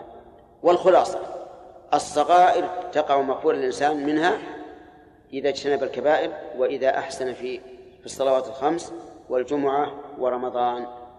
إن ربك واسع المغفرة. في هذه الجملة إشارة إلى ما إلى قوله إلا اللمم. يعني أن اللمم يقع في سعة مغفرة الله عز وجل فيغفره الله عز وجل. والمغفرة هي ستر الذنب مع التجاوز عنه أن الله يستر عليك الذنب ويتجاوز. ولا يكفي ستر الذنب لا بد من تجاوز والدليل على هذا آه، أمران لغوي وسمع. أما اللغوي فلأن المغفرة مشتقة من المغفر المغفر وهو ما يوضع على الرأس. عند القتال ويسمى خوذة ويسمى بيضة يوضع على الرأس على يتقي السهام. هذا الذي يوضع على الرأس جمع بين أمرين الوقاية وإيش؟ والستر. فإذا المغفرة لا بد من ستر ووقاية. أي أما السمع فهو قوله تبارك وتعالى إذا خلى بعبده المؤمن يوم القيامة وقرره بذنوبه وأقر قال قد سترتها عليك في الدنيا وأنا أغفرها لك اليوم. فدل هذا على أن الوقاية من الذنوب وعدم المؤاخذة من المغفرة. إن ربك واسع المغفرة. تقدم قوله إلا اللمم أن لها معنيين. إلا اللمم يعني الصغائر. هذه واحد. والثاني القليل من الكبائر والفواحش إلا اللمم يعني إلا القليل. ذكرنا بناء على اختلاف القولين. الاختلاف في إلا هل هي متصلة أو منقطعة. إلا اللمم متى تكون منقطعة؟ إذا فسرناها. إذا فسرنا اللمم بالصغائر. صارت منقطعة. والمنقطع علامتها أن ما بعدها ليس من جنس ما قبلها. علامة إلا المنقطعة أن ما بعدها ليس من جنس ما قبلها. فمثل كبائر الإثم والفواحش إلا اللمم إذا قلنا اللمم الصغائر فهل الصغائر من الكبائر والفواحش؟ لا. إذا قلنا المراد باللمم القليل من الكبائر والفواحش صارت إلا متصلة لأن اللمم القليل مما سبق فهو من جنسه إذن الاستثناء عندنا يكون منقطعا ويكون متصلا. فما هو المتصل؟ إذا كان المستثنى من جنس المستثنى منه فهو متصل وإذا كان من غير جنسه فهو منقطع. وإليك ما مثل به النحويون يقولون إذا قلت جاء القوم إلا أميرهم. الاستثناء لماذا؟ لأن الأمير من الجنس منهم. وقالوا إذا قلت جاء القوم إلا حمارا. فالاستثناء منقطع لأن الحمار ليس من جنس القوم. طيب. ثم قال عز وجل إن ربك واسع المغفرة. إشارة إلى أن الصغائر وقد ثبت في القرآن الكريم أن الصغائر تغفر باجتناب الكبائر. فقال جل وعلا إن تجتنبوا كبائر ما تنهون عنه نكفر عنكم سيئاتكم وندخلكم مدخلا كريما. ولهذا قال إن ربك واسع المغفرة. أما إذا قلنا اللمم القليل من الفواحش والكبائر فتكون الإشارة فيكون قوله إن ربك واسع المغفرة إشارة إلى أن الكبائر إذا تاب الإنسان منها غفر الله له. وكأنها لم تكن وإن لم يتب منها فهو تحت المشيئة. إن شاء الله غفر له وإن شاء عاقبه بما تستحق هذه الكبيرة. فيه قوم من, هذه الأمة يقولون إن الكبيرة لا تغفر. لا تغفر من هم؟ الخوارج والمعتزلة.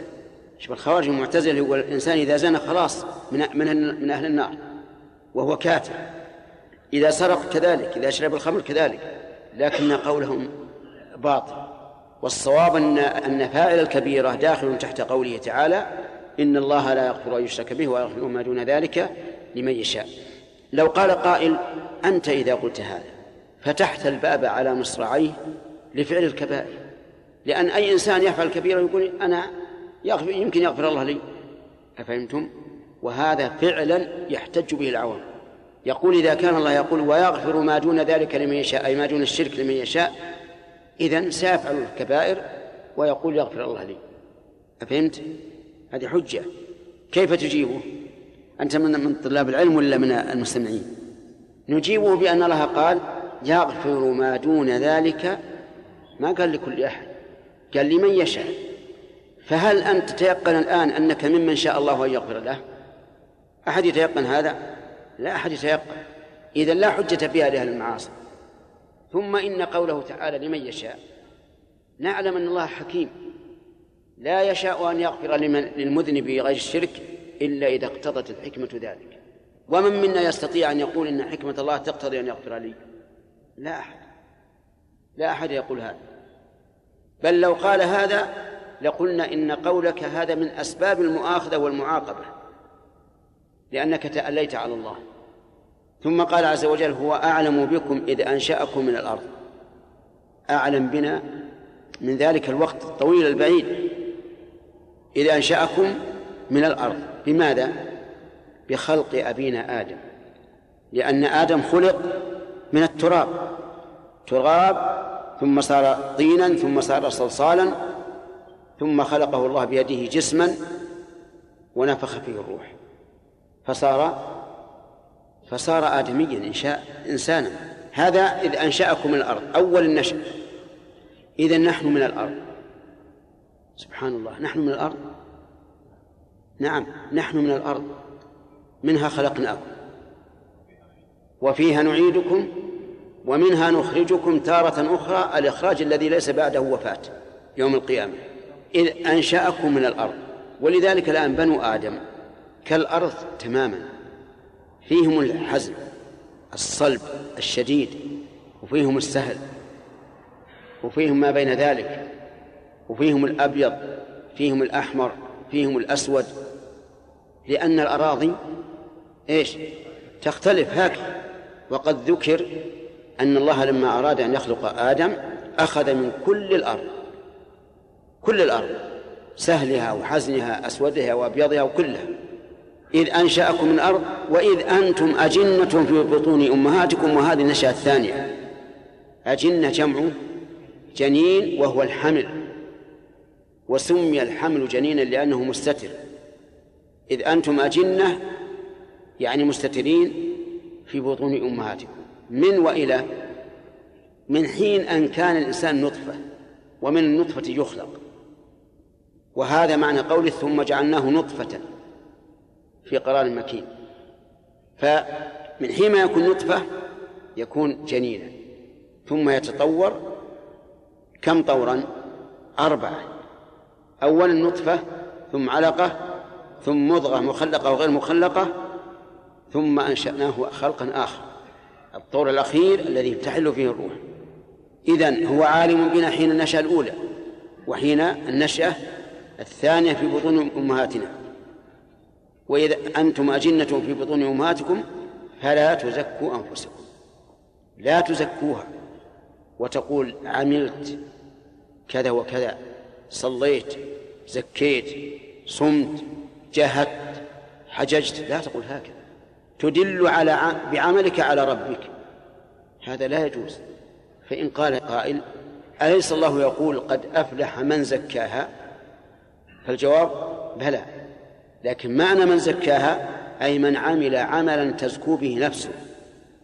وليس المعنى من زكاها من أثنى عليها ومدحها بأنها عملت وعملت بل المراد عمل عملا تزكو به نفسه. فلا, فلا معارضة بين بين الآيتين. ولهذا نقول من زكى نفسه بذكر ما عمل من من من الصالحات فإنه لم يزكي نفسه. صح؟ من زكى نفسه. فإنه لم يزكي نفسه. فرق بينهما. التزكية التي يحمد عليها الإنسان أن يعمل الإنسان عملا صالحا تزكو به نفسه. والتزكية التي يذم عليها أن يدل بعمله على ربه ويمدح وكأنه يمن على الله. يقول صليت تصدقت صمت حججت جاهدت بررت والدي وما أشبه ذلك. هذه لا يجوز للإنسان أن يزكي نفسه ويقول أنا من أنا. وفي هذا رد على أولئك الصوفية الذين يدعون أنهم أئمة ويزكون أنفسهم. ويقول وصلنا إلى حد لا لا تلزمنا الطاعات. يعني في الآن ناس يقول إنه وصل إلى عالم الملكوت ولا عليه الصلاة ولا عليه الصدقة ولا عليه الصيام ولا يحرم عليه شيء هؤلاء منسلخون من الدين انسلاخا تاما. لذلك نقول هؤلاء الذين يزكون أنفسهم هم أبعد الناس عن الزكاة لأنهم أعجبوا بأعمالهم وأدلوا بها على الله عز وجل وجعلوا لأنفسهم منصبا لم يجعله الله تعالى لهم.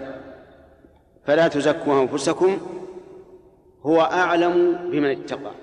كأنه يقول لماذا تزكون أنفسكم؟ أتريدون أن تعلموا الله بما أنتم عليه؟ الجواب لا. ولهذا قال هو أعلم بمن اتقى. يعني إن كنت متقيا لله فالله أعلم بك. ما حاجة أن تقول لله إني فعلت وفعلت. في هذا إشارة إلى أن النطق بالنية عند فعل العبادة قد يدخل في نوع من التزكية. يعني إذا أردت توضأ هل تقول اللهم إني نويت أن أتوضأ؟ عجيب لا. هل تقولها سرا؟ لا. بعض العلماء يقول قلها سرا. قلها سرا. بينك وبين نفسك. وعللوا هذا. قالوا من أجل أن يطابق اللسان القلب. من أجل يطابق اللسان القلب. القلب نوى لكن قلب اللسان. اللهم إني نويت أن أتوضأ. نويت أصلي أيضا. قد تبي تصلي؟ قول اللهم إني نويت أن أصلي. متى؟ الظهر ولا العصر؟ بين. الظهر. وهل تحتاج إلى عدد الركعات ولا ما أحتاج؟ لا لا تحتاج. لا تحتاج إلى عدد. يكفي. ما دام عينت يكفي. بعض العلماء يقول هكذا يا أخوان. علماء. أجلة من الفقهاء. التعليل ليش يعني؟ ليش ننطق باللسان؟ عجيب لتطابق القول القلب واللسان. فيقال هذا غلط. هذا قياس في مقابلة النص. هل الرسول عليه الصلاة والسلام شرع لأمته أن ينطقوا بالنية؟ أبدا. لا في حديث لا صحيح ولا ضعيف أن الإنسان إذا أراد العمل نطق. بالنية أبدا ما يوجد.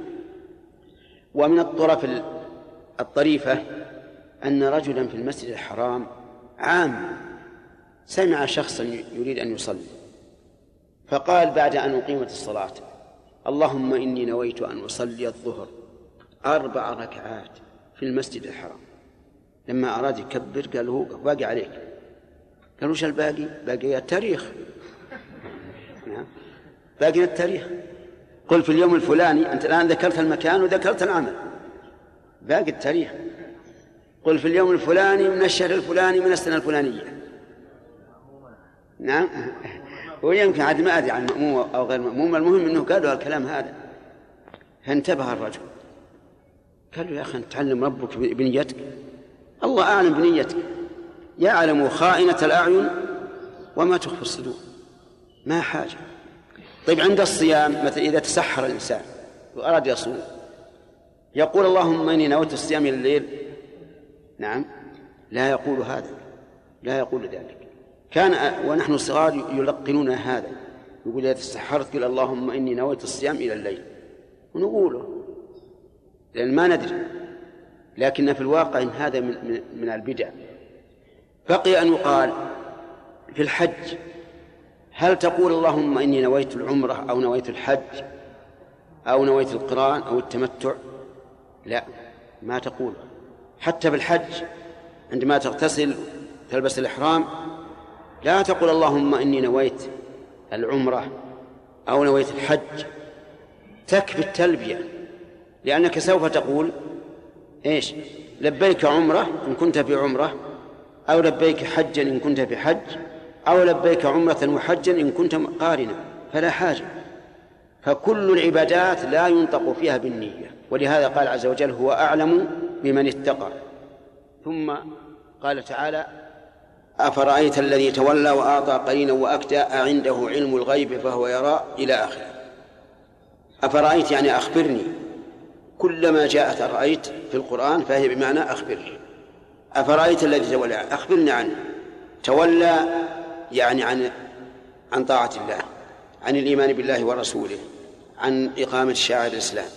وأعطى قليلا أي أعطى قليلا من المال وأكدى أي منع. يعني أنه هو ليس مطيعا لله وليس نافعا لعباد الله.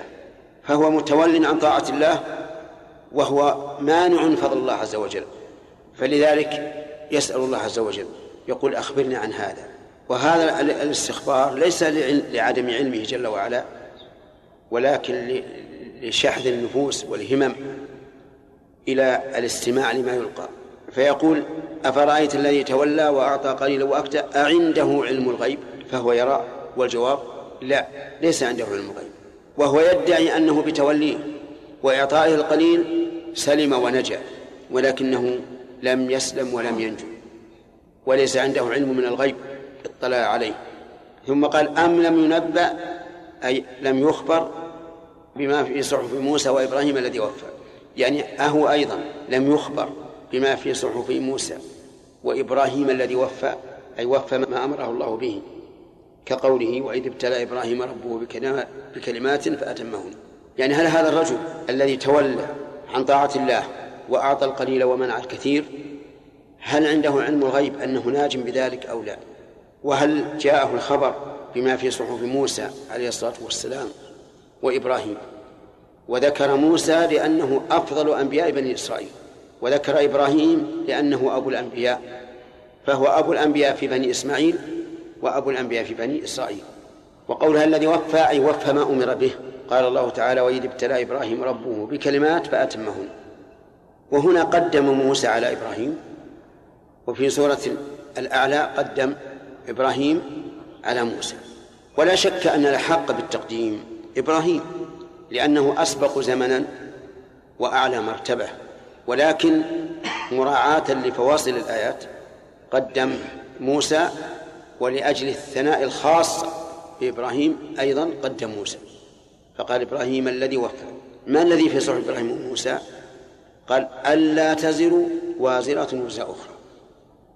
أي لا تحمل نفس وازرة أي يلحقها الإثم وزر أي إثم أخرى. يعني أن النفوس لا يحمل بعضها وزر بعض. الوزر على من؟ على صاحبه الذي استحق أن أن أن يأثم وأما غيره فلا يمكن. ولهذا قال الله تعالى وقال الذين كفروا للذين آمنوا اتبعوا سبيلنا ولنحمل خطاياكم. المعنى اتبعوا طريقنا ونحن نحمل خطاياكم. يعني والإثم علينا. فقال الله تعالى وما هم بحاملين من خطاياهم من شيء. إنهم لكاذبون ولا يحملن أثقالهم وأثقالا مع أثقالهم. والآية ليس فيها تعارض. قول وما هم بحاملين من خطاياهم من شيء هذا في الواقع. ولا يحملن أثقالهم وأثقالا مع أثقالهم لأنهم هم الذين أضلوا الناس. ومن أضل شخصا فعليه وزره ووزر من عمل به. المهم ألا تزر وازرة وزر أخرى. فإن قال قائل ألم يثبت عن النبي صلى الله عليه وعلى آله وسلم أن من دل على سوء فله. فعليه إثمه وإثم من تبعه. ومن سن في الإسلام سنة سيئة فعليه وزرها ووزر من عمل بها. فالجواب بلى ثبت هذا. لكن لما كان هو الداعي إلى هذا الوزر والإثم صار كالفاعل. صار كالفاعل. فالوزر الذي حمله من أوزار من اتبعه هو السبب فيه فكان عليه إثم. وأن ليس للإنسان إلا ما سعى. يعني وكذلك في صحف موسى وإبراهيم الذي وفى أن ليس للإنسان إلا ما سعى فسعي غيره لا ينفعه ليس لك إلا ما سعيت. وهذا كقوله تعالى لا يكلف الله نفسا إلا وسعها لها ما كسبت وعليها ما اكتسبت. فإن قال قائل أليس العالم الذي يدل على الخير إذا فعله غيره فله مثله؟ قلنا بلى. لكن دلالته على الخير من سعيه. أليس من سن في الإسلام سنة حسنة فله أجرها وأجر من عمل بها؟ بلى. لكن كونه سنها هذا من سعيه واستدل بعض العلماء بهذه الآية على أن إهداء القرب لا ينفع من أهدي إليه. فلو صليت وقلت اللهم اجعل ثوابها لأبي لم ينفعه. ولو صمت قلت اللهم اجعل ثوابه لأبي لم ينفعه. لأنه ليس للإنسان إلا ما سعى. وأما سعي غيره فلا ينفعه. إلا أن ما وردت به السنة فلا بد من القول به. فالصوم عن من مات وعليه صيام جاءت به السنة. قال النبي صلى الله عليه وسلم من مات وعليه صيام صام عنه ولي. الحج عمن لا يستطيع الحج يجوز لأن امرأة سألت النبي صلى الله عليه وسلم قالت إن أبي شيخ إن أبي أدركته فريضة الله على عباده في الحج شيخا لا يثبت على الراحلة أفأحج عنه؟ قال نعم. إذن هذا الحج. الصوم والحج الواجب. الصوم الواجب والحج الواجب. الصدقة جائزة لأن النبي صلى الله عليه وعلى آله وسلم سأله سعد بن عباد رضي الله عنه له مخراف يعني حائط يخرف نخل هل يتصدق به لأمه؟ فينفعها؟ فقال النبي صلى الله عليه وسلم نعم. وسأله رجل آخر قال يا رسول الله إن أمي افتلتت نفسها يعني ماتت بغتة وإنها لو تكلمت لتصدقت أفأتصدق عنها؟ قال نعم. فهذه ثلاث جاءت بها السنة والعتق كذلك. فما جاءت به السنة فهو على العين والرأس. ويكون مخصصا لقوله وأن ليس للإنسان إلا ما سعى.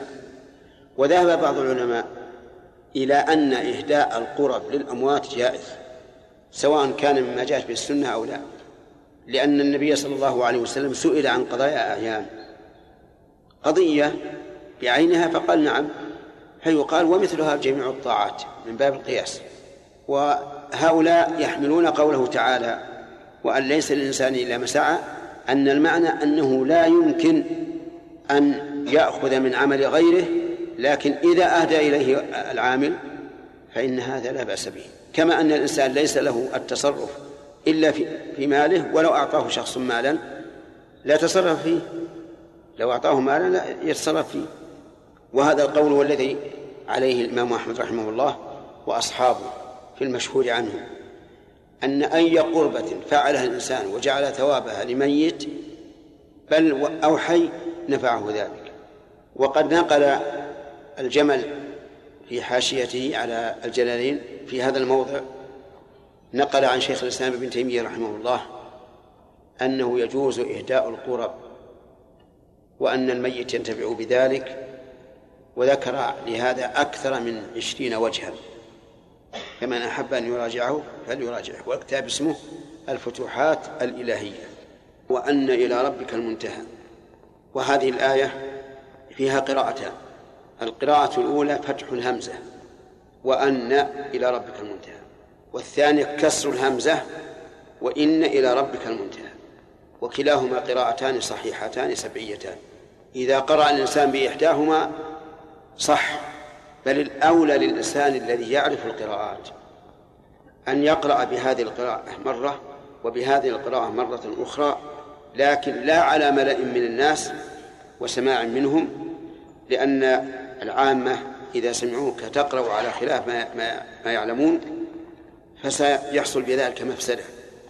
إما أن يقولوا إن هذا الرجل لا يعرف القرآن وإما أن يتشككوا في القرآن حيث يظن العامي أن الغير. لذلك ننصح إخواننا الذين أعطاهم الله تعالى علما في القراءة أن لا يقرؤوا إلا بالقراءة المعروفة عند العامة حتى لا يحصل اللبس. لكن فيما بينك وبين نفسك إذا كنت تدرك القراءة الثانية إدراكا تاما فاقرأ بها أحيانا لأن لأن الكل سنة الكل كلام الله عز وجل. فإذا كانت بالكسر وإن إلى ربك المنتهى صارت هذه الجملة وما بعدها ليست في صحف إبراهيم وموسى بل تكون استئنافية. وإذا كانت بالفتح وأن إلى ربك المنتهى صارت هذه الجملة وما بعدها مما جاء في صحف إبراهيم وموسى. وعلى كل فهي كلام الله عز وجل. وأن إلى ربك المنتهى في أي شيء في أمور الدين والدنيا. فإلى الله المنتهى في مسائل العلم. عندما تشكل علينا مسألة من مسائل العلم إلى أين ننتهي؟ إلى الله ورسوله. كما قال تعالى فإن تنازعتم في شيء فردوه إلى الله والرسول. والنبي صلى الله عليه وسلم لا يقول شيئا من عنده إنما هو من عند الله عز وجل. فيكون المنتهى إلى الله في الحكم بين الناس وفي الحكم في الناس. إلى ربك المنتهى أيضا منتهى الخلائق لأن هذا الخلق الموجود الآن سوف يفنى وينتقل إلى خلق آخر. ينتقل إلى خلق آخر كما قال عز وجل أفعيين بالخلق الأول بل هم في لبس من خلق جديد. المنتهى على هذا التقدير هو يوم القيامة فإلى الله المنتهى إلى الله المصير. فمنتهى أحوالنا وأحكامنا وجميع ما يصدر منا وعلينا إلى الله عز وجل. وإذا كان إلى الله المنتهى فإلى من تشكو إذا أصابك الضر؟ إلى من؟ إلى الله عز وجل. وإذا أردت النفع فمن تطلب؟ الله عز وجل لأنه إلى الله المنتهى. وكم من إنسان انعقد له أسباب الرزق وإذا به يحرم منه؟ على آخر لحظة ربما يشتغل بإنشاء محطة مثلا على أنه يريد أن يرتزق بها. وإذا كان الله لم يرد هذا احترقت المحطة. إذن لا يجلب لك الخير إلا الله ولا يمنع عنك الضرر إلا الله عز وجل. فاجعله منتهاك في كل أمورك. وأن إلى ربك المنتهى وأنه هو أضحك وأبكى. هو أضحك وأبكى. هل المراد حقيقة الضحك؟ أو المراد لازم ذلك وهو الفرح. وكذلك يقال في أبكى هل المراد حقيقة البكاء أو المراد الحزن؟ إذا نظرنا إلى ظاهر اللفظ قلنا الضحك الحقيقي والضحك الحقيقي لا ينشأ إلا عن عن سرور. وأبكى البكاء الحقيقي والبكاء لا يحصل إلا عن عن حزن. فالله تعالى أضحك في الدنيا وأبكى وأضحك في الآخرة وأبكى. الكفار في الدنيا الآن يضحكون على من؟ على المسلمين على المؤمنين إن الذين أجرموا كانوا إيش؟ كانوا من الذين آمنوا يضحكون لكن هذا الضحك سيعقبه بكاء في يوم القيامة فاليوم الذين آمنوا إيش؟ من الكفار يضحكون فالذي أضحك في الدنيا وأبكى والذي أضحك في الآخرة وأبكى هو الله عز وجل إذن هو مقدر ما يكون به الضحك ومقدر ما يكون به البكاء وأتى بالأمرين وهما متقابلان ليعلم بذلك أن الله سبحانه وتعالى على كل شيء قدير وهو القادر على خلق الضدين وأنه هو أمات وأحيا. نعم أمات في الدنيا وأحيا في الدنيا وأمات أيضا في الدنيا وأحيا في الآخرة. أمات وأحيا الآن البشر.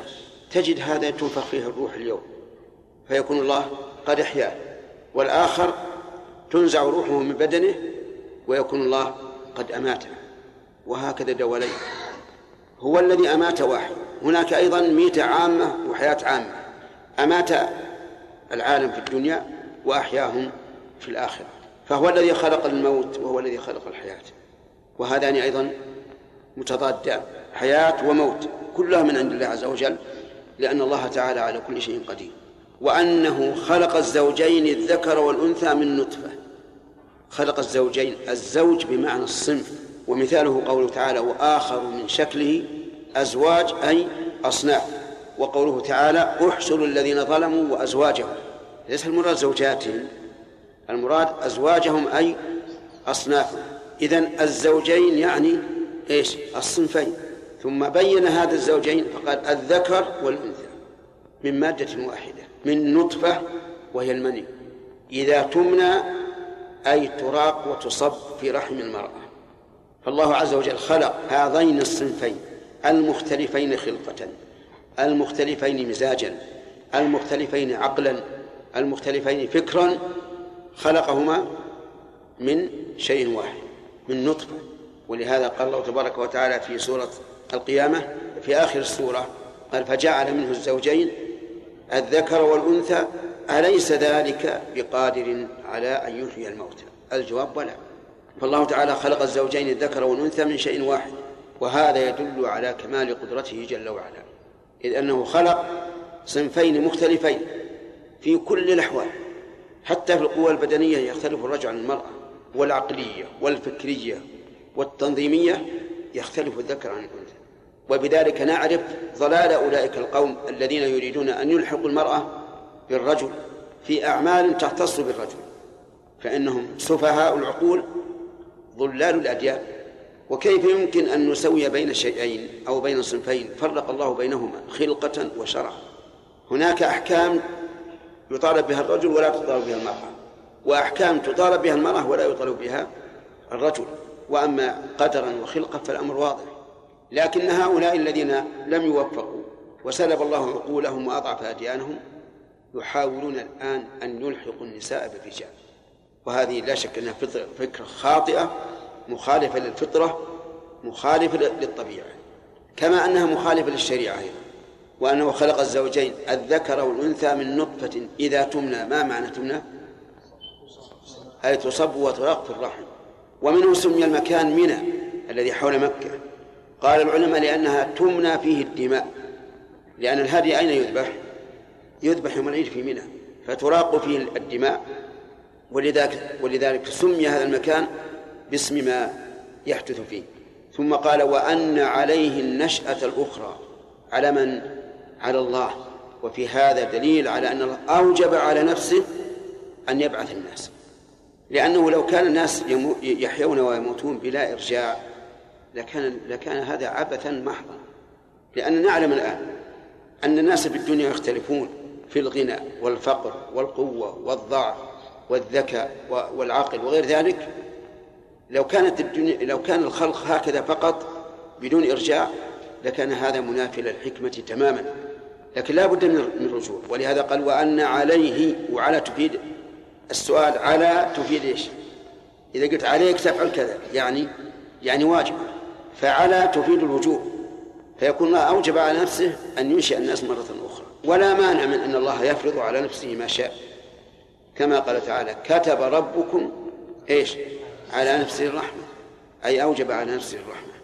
كذلك هنا قال وأن عليه النشأة الأخرى أي على الله أوجب الله على نفسه أن ينشئ الناس نشأة أخرى للجزاء. كل بحسب عمله. والنشأة الأخرى تفيد بأن هناك نشأة قبل وهي النشأة الأولى وهي خلق الناس ابتداء خلق الناس من عند الله عز وجل. ففي قولها الأخرى فائدة عظيمة وهي الإشارة إلى أن القادر على الأولى قادر على الآخرة والنشأة الآخرة أهوى من الأولى كما قال عز وجل وهو الذي يبدأ الخلق ثم يعيده وهو أهون عليه. هو كل عليه هين لكن الهين يختلف باعتبار ذاته لا باعتبار قدرة الله. قدرة الله لا لا تختلف. كن فيكون سواء كان أعلى شيء أو أو أدنى شيء. لكن بالنسبة للمقدور عليه أيهما أهون؟ الإعادة أهون. أما بالنسبة لقدرة الله فكلها واحد. لأن المسألة لا تعد أن يقول إيه كن فيكون. وبهذا نعرف أن بعض المفسرين رحمهم الله وعفى عنهم قالوا في, في قوله وهو أهون عليه قال المعنى وهو هين عليه. هذا غلط. كيف يقول الله عن نفسه وهو أهون عليه ونقول وهو هين؟ لكن أقول الهون له نسبتان. نسبة للمفعول ونسبة للفاعل. بالنسبة للفاعل هما سواء لأن كل شيء منهما يتكون بكلمة واحدة. كن فيكون. بالنسبة للمفعول يختلف. لا شك أن الأول أشد من الثاني.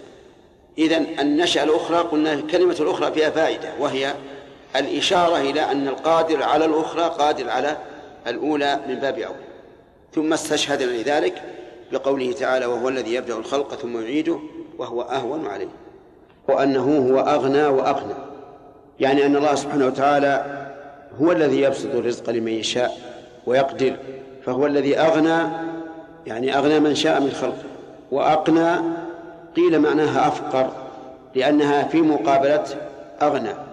وقيل أغنى بالكفاية وأقنى بما زاد عن الكفاية يعني أن الله عز وجل بسط الرزق للعباد. فمنهم من أغناه عن غيره ومنهم من أقناه أي جعل له قنية وهي الزائد عن عن الكفاية. وكما ذكرنا مرارا أن الكلمة إذا كانت تحتمل معنيين ليس بينهما منافاة. ولا مرجح لأحدهما الآخر فإنها تحمل عليهما لأنه أعم للمعنى. فالذي يغني هو الله والذي يقني هو الله عز وجل. وليست هذه الأصنام التي هي اللات والعزى ومنات بل ذلك إلى الله عز وجل وحده. وأنه هو رب الشعرى أنه هو رب الشعرى أتى بضمير الفصل تأكيدا للجملة. ورب الشعرى أي خالقها ومالكها ومدبرها والشعرى هي النجم المضيء الذي يخرج في شدة الحر.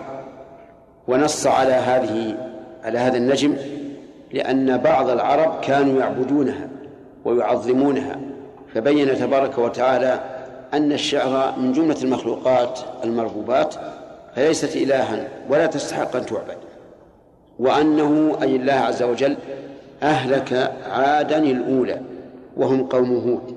والأولى وصف كاشف وليس وصف مقيدا. يعني ليس هناك عاد أولى وعاد ثانية هي واحدة لكنها عاد قديمة سابقة. ولهذا وصفها بأنها الأولى يعني القديمة السابقة وليس ثمة عاد أخرى. عادهم قوم هود وكان الله تعالى قد أعطاهم من القوة والنشاط. وشدة البطش ما ليس لغيرهم حتى إنهم قالوا من أشد منا قوة. قال الله تعالى أولم يروا أن الله الذي خلقهم هو أشد منهم قوة وكانوا بآياتنا يجحدون. هؤلاء القوم يفتخرون بشدتهم وقوتهم فأهلكهم الله تعالى بألطف الأشياء. أهلكهم بريح صرصر عاتية سخرها عليهم سبع ليال وثمانية أيام حسوما. ابتدأت من بعد الفجر وانتهت عند الغروب فصارت الأيام ثمانية والليالي سبعا سبع ليال وثمانية أيام حسوما فترى القوم فيها صرعى كأنهم أعجاز نخل خاوية. تحمل الإنسان إلى القمة ثم تقذف به على الأرض فصاروا كأنهم أعجاز نخل خاوية والعياذ بالله أو أعجاز نخل منقعر فهؤلاء القوم مع شدة بطشهم وشدة بأسهم لم يمنعهم ذلك من عذاب الله عز وجل. وقول وثمود يعني وأهلك ثمودا فما أبقاهم؟ وثمود هم أصحاب الحجر. أرسل الله إليهم صالحا فكذبوه. وكان الله تعالى قد أعطاهم قوة وأعطاهم معرفة وعلما بالهندسة هندسة البناء. لكن مع ذلك ما دفعوا ما أراد الله بهم. صيح بهم ورجفت بهم الأرض فأصبحوا في ديارهم جاثمين والعياذ بالله. وقوم نوح من قبل يعني وأهلك قوم نوح من قبل أهلكهم بالغرق كما قال الله تعالى في سورة اقتربت الساعة وانشق القمر قال عن نبيهم نوح فدعا ربه أني مغلوب فانتصر ففتحنا أبواب السماء بماء منهمر. وفي قراءة ففتحنا مما يدل على الكثرة وشدة الانفتاح. أبواب السماء بماء منهمر يعني نازل بشدة وفجرنا الأرض عيونا. الأرض كلها كانت عيونا. يعني ليس فيها موضع شبر إلا وهو يفور حتى إن التنور الذي هو محل الإيقاد صار يفور. مع أن محل الإيقاد أبعد ما يكون عن الرطوبة لكنه فار فصارت الأرض كلها عيون عيونا والسماء تمطر. التقى الماء ماء السماء وماء الأرض على أمر قد قدر. يعني أمر مقدر محدد بدون زيادة ولا نقص. سبحان الله العظيم. فغرق القوم. حتى بلغ الماء قمم الجبال. ويذكر أن امرأة كان معها صبي. فكلما على الماء صعدت الجبل. كلما على الماء صعدت الجبل. حتى وصل الماء إلى قمة الجبل ووصل إلى المرأة وارتفع في جسدها وكان معها صبي فحملت الصبي على يديها ترفعه لئلا يغرق قبلها. وجاء في الحديث لو رحم الله أحدا لرحم أم الصبي. لكن إذا حقت كلمة الله فلا رأد لقضاء الله تعالى. أجارنا الله وإياكم من العذاب الأليم. وقوله إنهم كانوا هم أظلم وأطغى. اختلف المفسرون في قوله إنهم كانوا هم أظلم وأطغى فقيل إن الضمير يعود على قوم نوح فقط وقيل إنه يعود على كل الأمم التي ذكرها الله عز وجل ممن أهلكهم. فعلى القول الأول يكون المعنى أن قوم نوح أظلم وأطغى من قوم ثمود وعاد ووجه ذلك أنه حصل منهم عتو واستكبار مع طول المدة حيث إن نوحا عليه الصلاة والسلام لبث فيهم ألف سنة إلا خمسين عاما. يقول الله تبارك وتعالى عنه قال رب إني دعوت قومي ليلا ونهارا فلم يزدهم دعائي إلا فرارا وإني كلما دعوتهم لتغفر لهم جعلوا أصابعهم في آذانهم حتى لا يسمعوا واستغشوا ثيابهم تغطوا بها حتى لا يبصروا وهذا يدل على شدة كراهتهم لما يدعوهم إليه عليه الصلاة والسلام. واستكبروا استكبارا يعني استكبارا عظيما فلم يخضعوا لعبادة الله عز وجل فكانوا أظلم وأطغى من من عاد وثمود.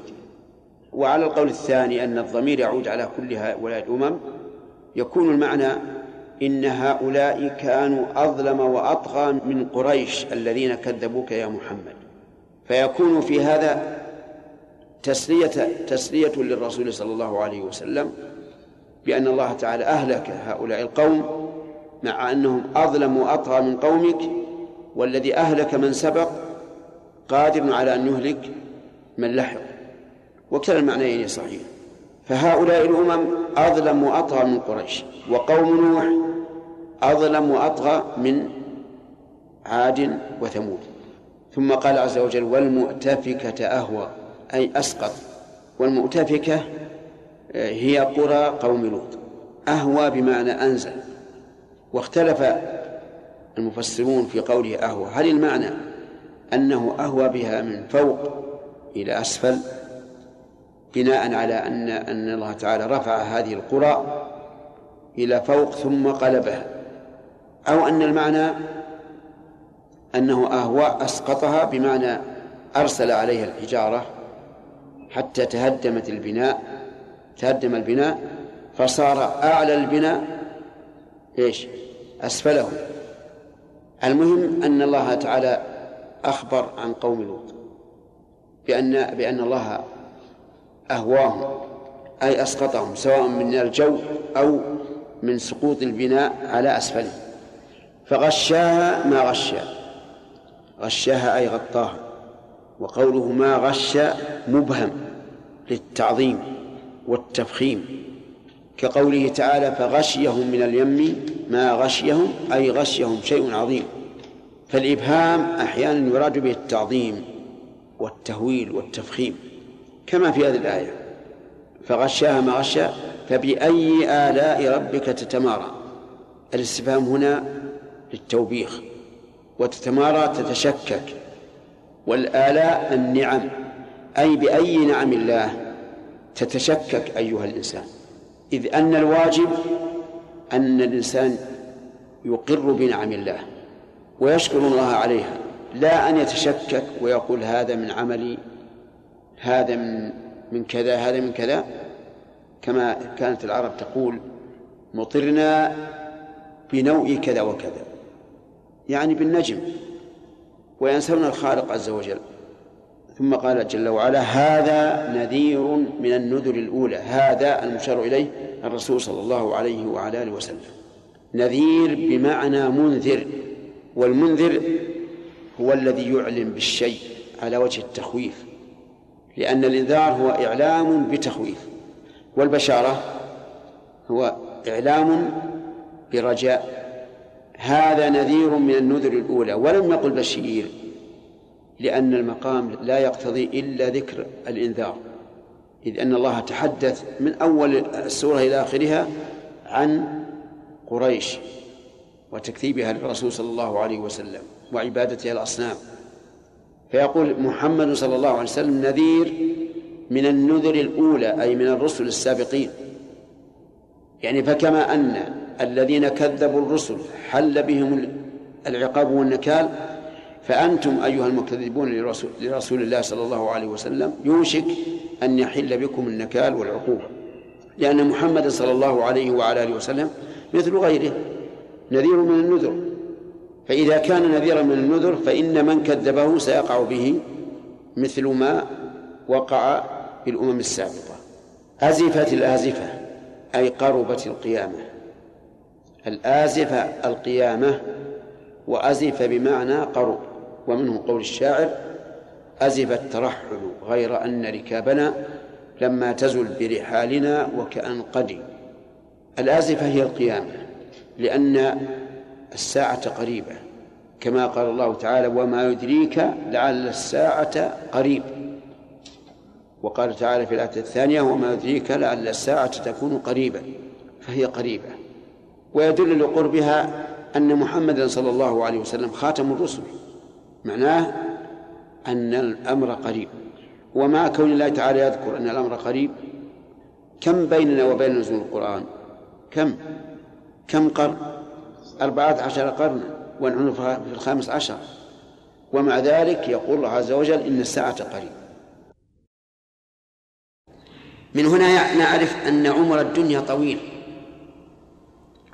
وبعيد. ولكن هل نأخذ بقول هؤلاء الذين يتخرصون ويقول عمر الدنيا الماضي كذا وكذا؟ لا. هؤلاء لا نصدقهم ولا نكذبهم. يعني أحيانا يقولون إنهم عثروا على آثار حيوان له كذا وكذا من ملايين السنين أو على أحجار أو ما أشبه ذلك. هذا لا نصدق ولا نكذب لأنهم لا يعلمون الغيب الماضي وإنما يقيسونه بالحال الحاضرة يعني يقيسون مثل عمر هذا هذا الأثر بحسب المؤثرات في الوقت الحاضر. لكن ما الذي يعلمنا أن المؤثرات في الوقت الحاضر هي المؤثرات في الوقت الماضي؟ ما ندري. قد تتغير يتغير الطقس من حرارة إلى برودة ومن برودة إلى حرارة وقد تتغير الرياح والأمطار وغير ذلك. فما نقرأه أو نسمع به من علوم هؤلاء؟ موقفنا نحوه أن لا نصدق ولا نكذب. أما في المستقبل فيجب أن نكذب. كل من أخبر عن شيء مستقبل يجب علينا أن نكذبه. لماذا؟ نعم لأنه يدعي الغيب. والله عز وجل يقول قل لا يعلم من في السماوات والأرض الغيب إلا الله. فعليه. نقول أزفت الآزفة أي قربت القيامة. لكن هل يمكن أن نحدد متى القرب؟ لا. لا يمكن. ومن ادعى أنه يعلم متى تقوم الساعة فإنه مكذب لله ورسوله. أما الله فقد قال تعالى يسألك الناس عن الساعة قل إنما علمها عند الله. وأما الرسول عليه الصلاة والسلام فإن جبريل لما سأله قال أخبرني عن الساعة قال له النبي صلى الله عليه وسلم ما المسؤول عنها بأعلم من السائل يعني أنك إذا كنت تجلها فأنا فأنا مثلك. فمن ادعى أن الساعة تقوم في بعد مثلا مليون سنة أو مئة ألف سنة أو أقل أو أكثر فإنه يجب علينا أن نكذبه ونقول إنه كافر لأنه مكذب لله ورسوله.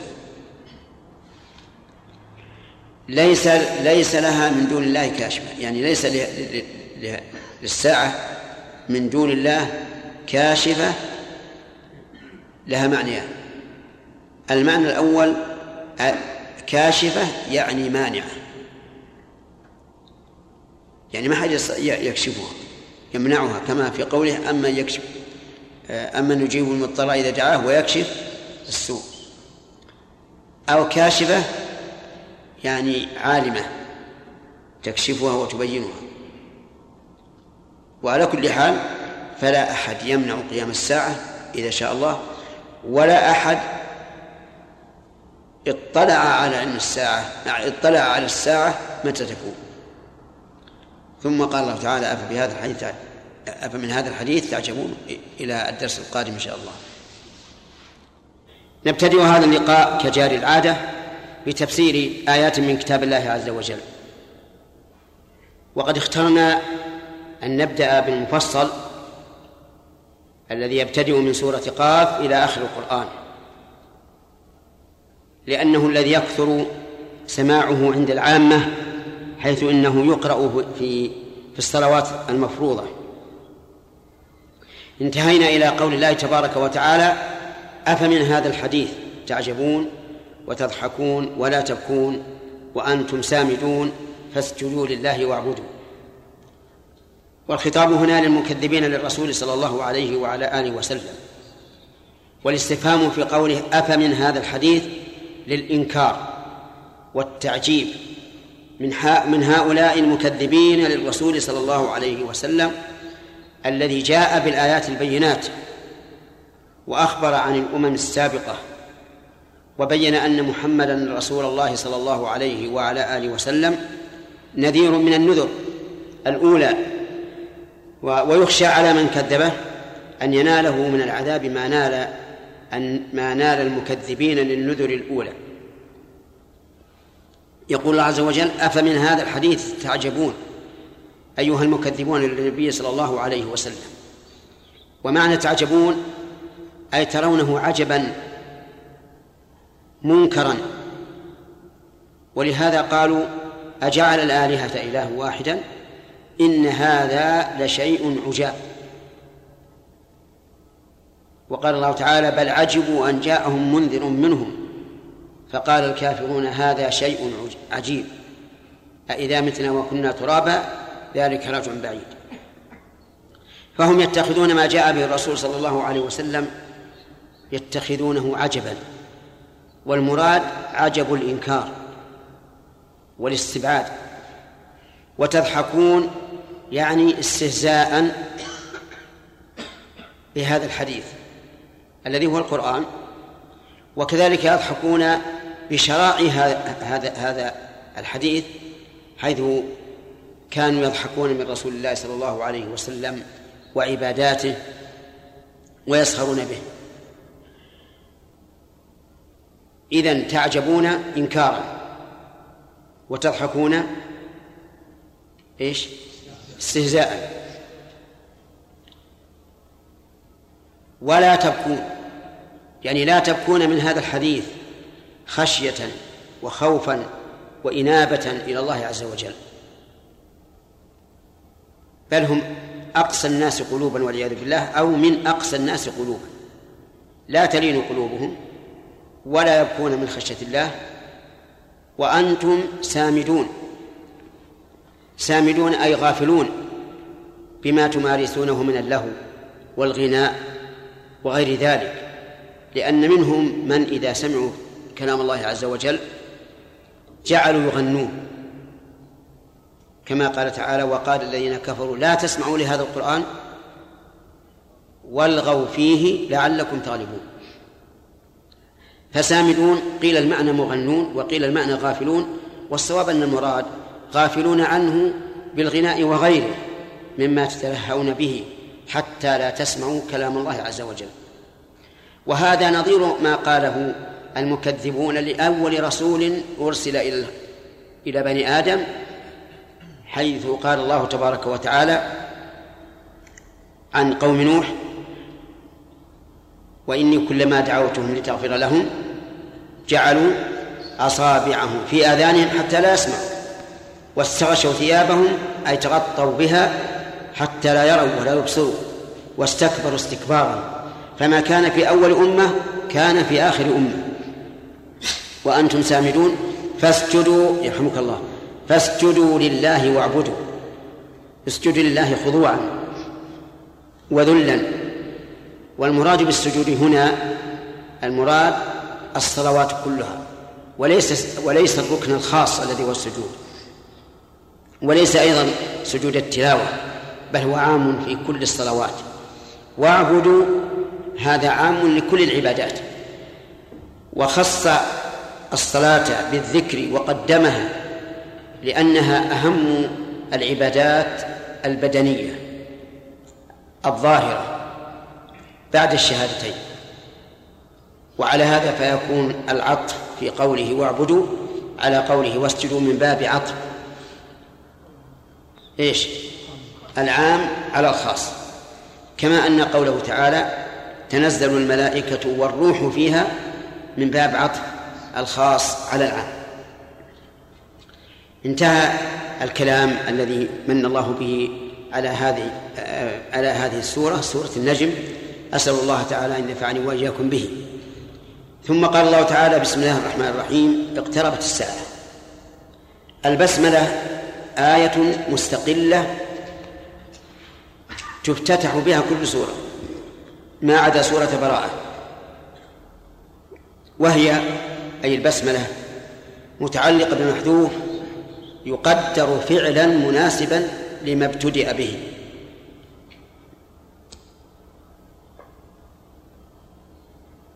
فإذا قلنا بسم الله على القراءة كان تقدير الكلام بسم الله أقرأ. وإذا كنا نريد أن نأكل وقلنا بسم الله كان التقدير بسم الله آكل. وإذا كنا نريد أن نذبح شاة أو نحوها قلنا بسم الله أذبح. ولهذا قال النبي صلى الله عليه وسلم ومن لم يذبح فليذبح على اسم الله أو قال بسم الله. إذن الجار المجرور في البسملة متعلق بالمحذوف يقدر فعلا لا اسما متأخرا لا متقدما مناسبا لما ابتدأ به. انتبه لهذه الثلاث. يقدر فعلا يعني لا لا اسما ومتأخرا لا متقدما. ثالثا مناسب لما ابتدأ به. قلنا إنه يقدر فعلا لأن الأصل في العامل أن يكون فعلا. ولذلك يعمل الفعل عمله بدون أي شرط. وأما الأسماء فلا تعمل أعمالها إلا بشروط. المصدر له شروط يعمل عمل الفعل بشروط اسم الفاعل بشروط اسم المفعول بشروط الصفة المشبهة. جميع العوامل غير الفعل لا تعمل إلا بشروط.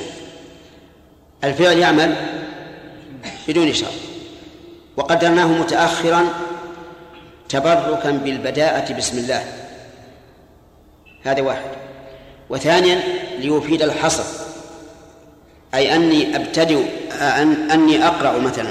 بسم الله لا بسم غيره فنؤخرها فنقدر العام مؤخرا تبركا بالبداءة بسم الله. ثانيا لإفادة الحصر. نقدره مناسبا لما ابتدأ به لأنه أدل على المقصود. فمثلا لو أردنا أن نقرأ وقلنا بسم الله الرحمن الرحيم التقدير بسم الله أبتدئ. هل يفهم السامع أنك تريد أن تقرأ؟ نعم. لا يفهم أنك تريد أن تبتدئ لكن إذا قلت بسم الله أقرأ فهم أنك تريد القراءة.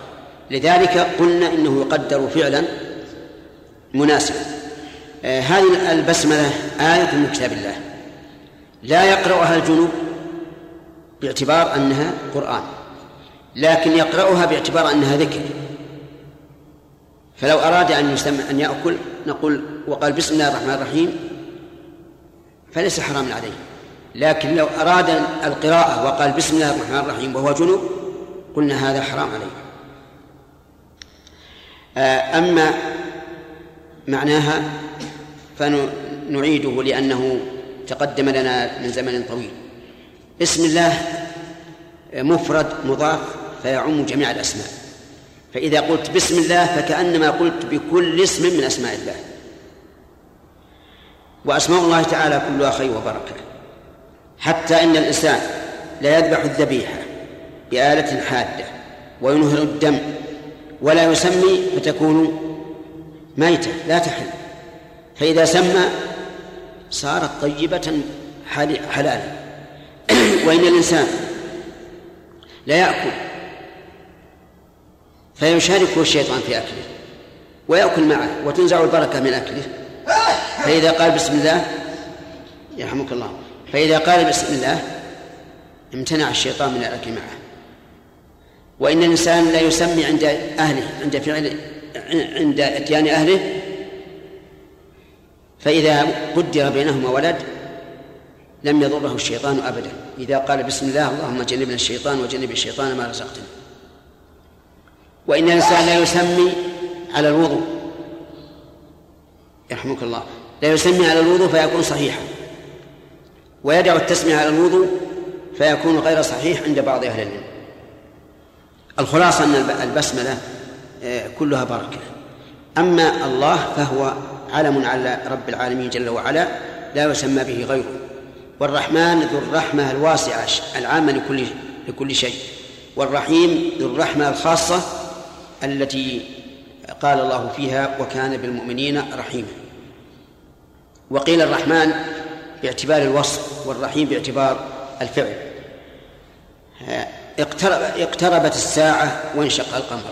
اقتربت بمعنى قربت لكن العلماء يقولون إن زيادة المبنى يدل على زيادة المعنى.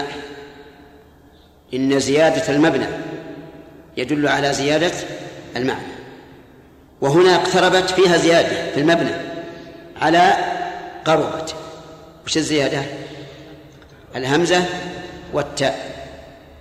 فيدل على أن الاقتراب قريب جدا أو على أن القرب يدل على القرب قريب جدا. فما اقتربت أي قربت جدا. والساعة هي يوم القيامة. وقد قال الله تعالى فيها فهل ينظرون إلا الساعة أن تأتيهم بغتة فقد جاء أشراطها. أشراطها أي علاماتها. من علاماتها بعثة النبي صلى الله عليه وسلم. فإن بعثة الرسول عليه الصلاة والسلام وكونه وكونه خاتم الأنبياء دليل على أنه قد قربت الساعة. ولهذا حقق النبي عليه الصلاة والسلام هذا بقوله بعثت أنا والساعة كهاتين وقال بأصبع الوسطى والسبابة الآن السبابة قريبة من الوسطى أليس كذلك؟ ليس بينهما إلا جزء يسير مقدار الظفر.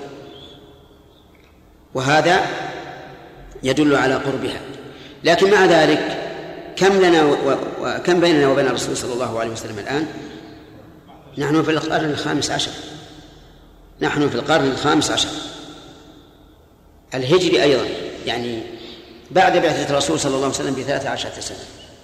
ومع ذلك ما زالت الدنيا باقية. مما يدل على أن ما مضى طويل جدا. حتى أن الرسول صلى الله عليه وسلم خطب الناس ذات يوم عند غروب الشمس فقال إنه لم يبق من الدنيا يعني بالنسبة لمن سبقكم إلا كما بقي من يومكم هذا.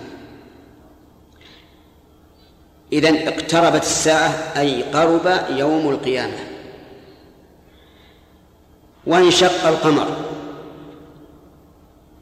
وكأن الله عز وجل أشار إلى أن هذا من أشراط الساعة. انشق القمر يعني صار فرقتين. تميز بعضهما عن بعض. أحدهما على جبل أبي قبيس والثاني على جبل قعيقعة يعني واحد على الصفا وواحد على المروة. والمسافة في رؤيا العين ما بين الصفا والمروة بعيدة جدا. بعيدة. قد تستغرق سنوات. انشق القمر بلحظة بأمر الله عز وجل وتباعدت وتباعدت أجزاؤه بلحظة.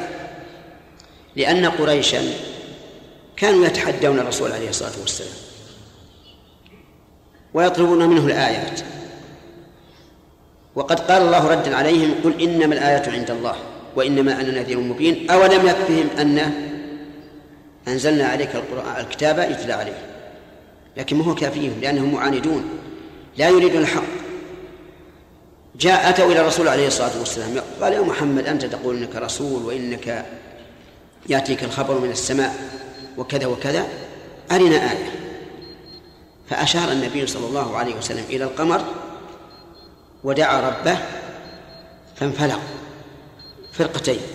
بلحظة من يفك هذا الجسم العظيم الأفقي العالي إلا رب العالمين عز وجل. أراهم إياه. لكن هل نفع؟ لا ما نفع. وقالوا سحرنا محمد. وبعضهم قال سحر القمر. وأنكروا. فقال بعضهم لبعض اسألوا المسافرين إذا قدموا هل رأوه أم لا. فصاروا يسألون المسافرين من كل وجه يقدمون مكة فيقول نعم رأيناه في الليلة الفلانية كذا وكذا. وهذا بالنسبة للقاربين منهم كأهل الجزيرة مثلا. أما البعيدون فقد لا يرونه. قد لا يرون هذا. ليش؟ للبعد. وكما نعلم الآن أن الليل هنا يكون نهارا في مكان آخر أو لوجود غيوم وضباب كثير يمنع الرؤية.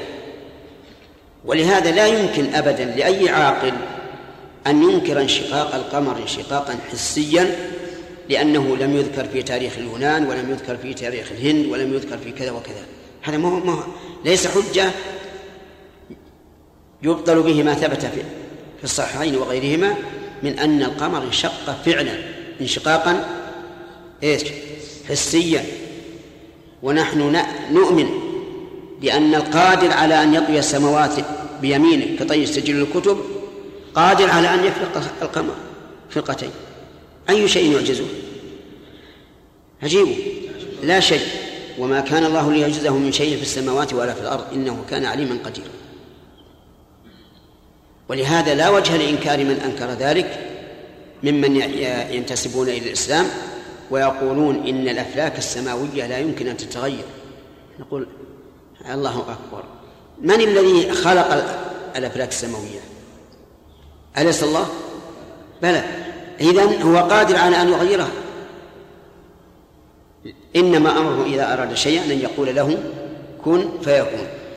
إذن انشقاق القمر انشقاق حسي. انفلق فرقتين.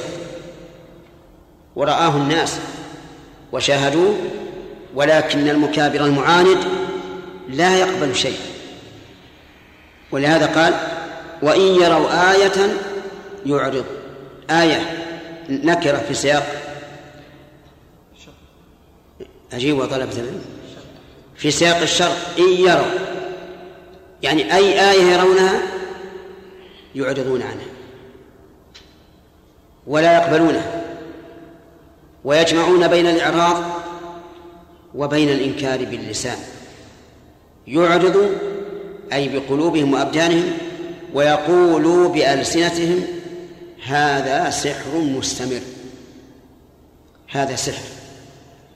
وتعرفون أن السحر يؤثر لا في قلب الأعيان ولكن في رؤية الأعيان. ألم تروا أن موسى عليه الصلاة والسلام لما ألقى السحرة سحرهم كان يخيل إليه إيش؟ من سحرهم أنها تسعى. حيات انقلب الوادي كله حيات تسعى حتى إن موسى أوجس في نفسه خيفة من هول ما رأى. لكن هذه الحبال والعصي هل انقلبت إلى حيات؟ أو هي هي؟ هي هي. لكن حسب نظره نظر الرأي أنها حيات. فهم يقولون هذا سحر. سحر محمد حتى كانت أعيننا ترى القمر وهو واحد تراه فرقتين.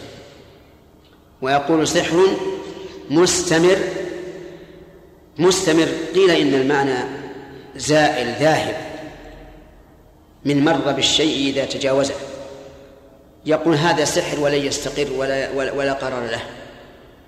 وقيل مستمر يعني أن كل الآيات التي يأتي بها سحر. أي مستمر من من من إمرار الشيء ودوام الشيء. وأيا كان فإنهم أنكروا وكذبوا. ولهذا قال وكذبوا أي كذبوا النبي صلى الله عليه وسلم وكذبوا بآياته واتبعوا أهواءهم. أي ما يريدون من الباطل وكل أمر مستقر. الله أكبر. كل أمر مستقر يعني لا بد له من قرار. فهؤلاء المكذبون قرارهم إيش؟ الذل والخسران في الدنيا والنار في الآخرة. والنبي صلى الله عليه وسلم ومن اتبعه أمره مستقر بالنصر والتأييد في الدنيا والجنة في الآخرة. جعلنا الله وإياكم منه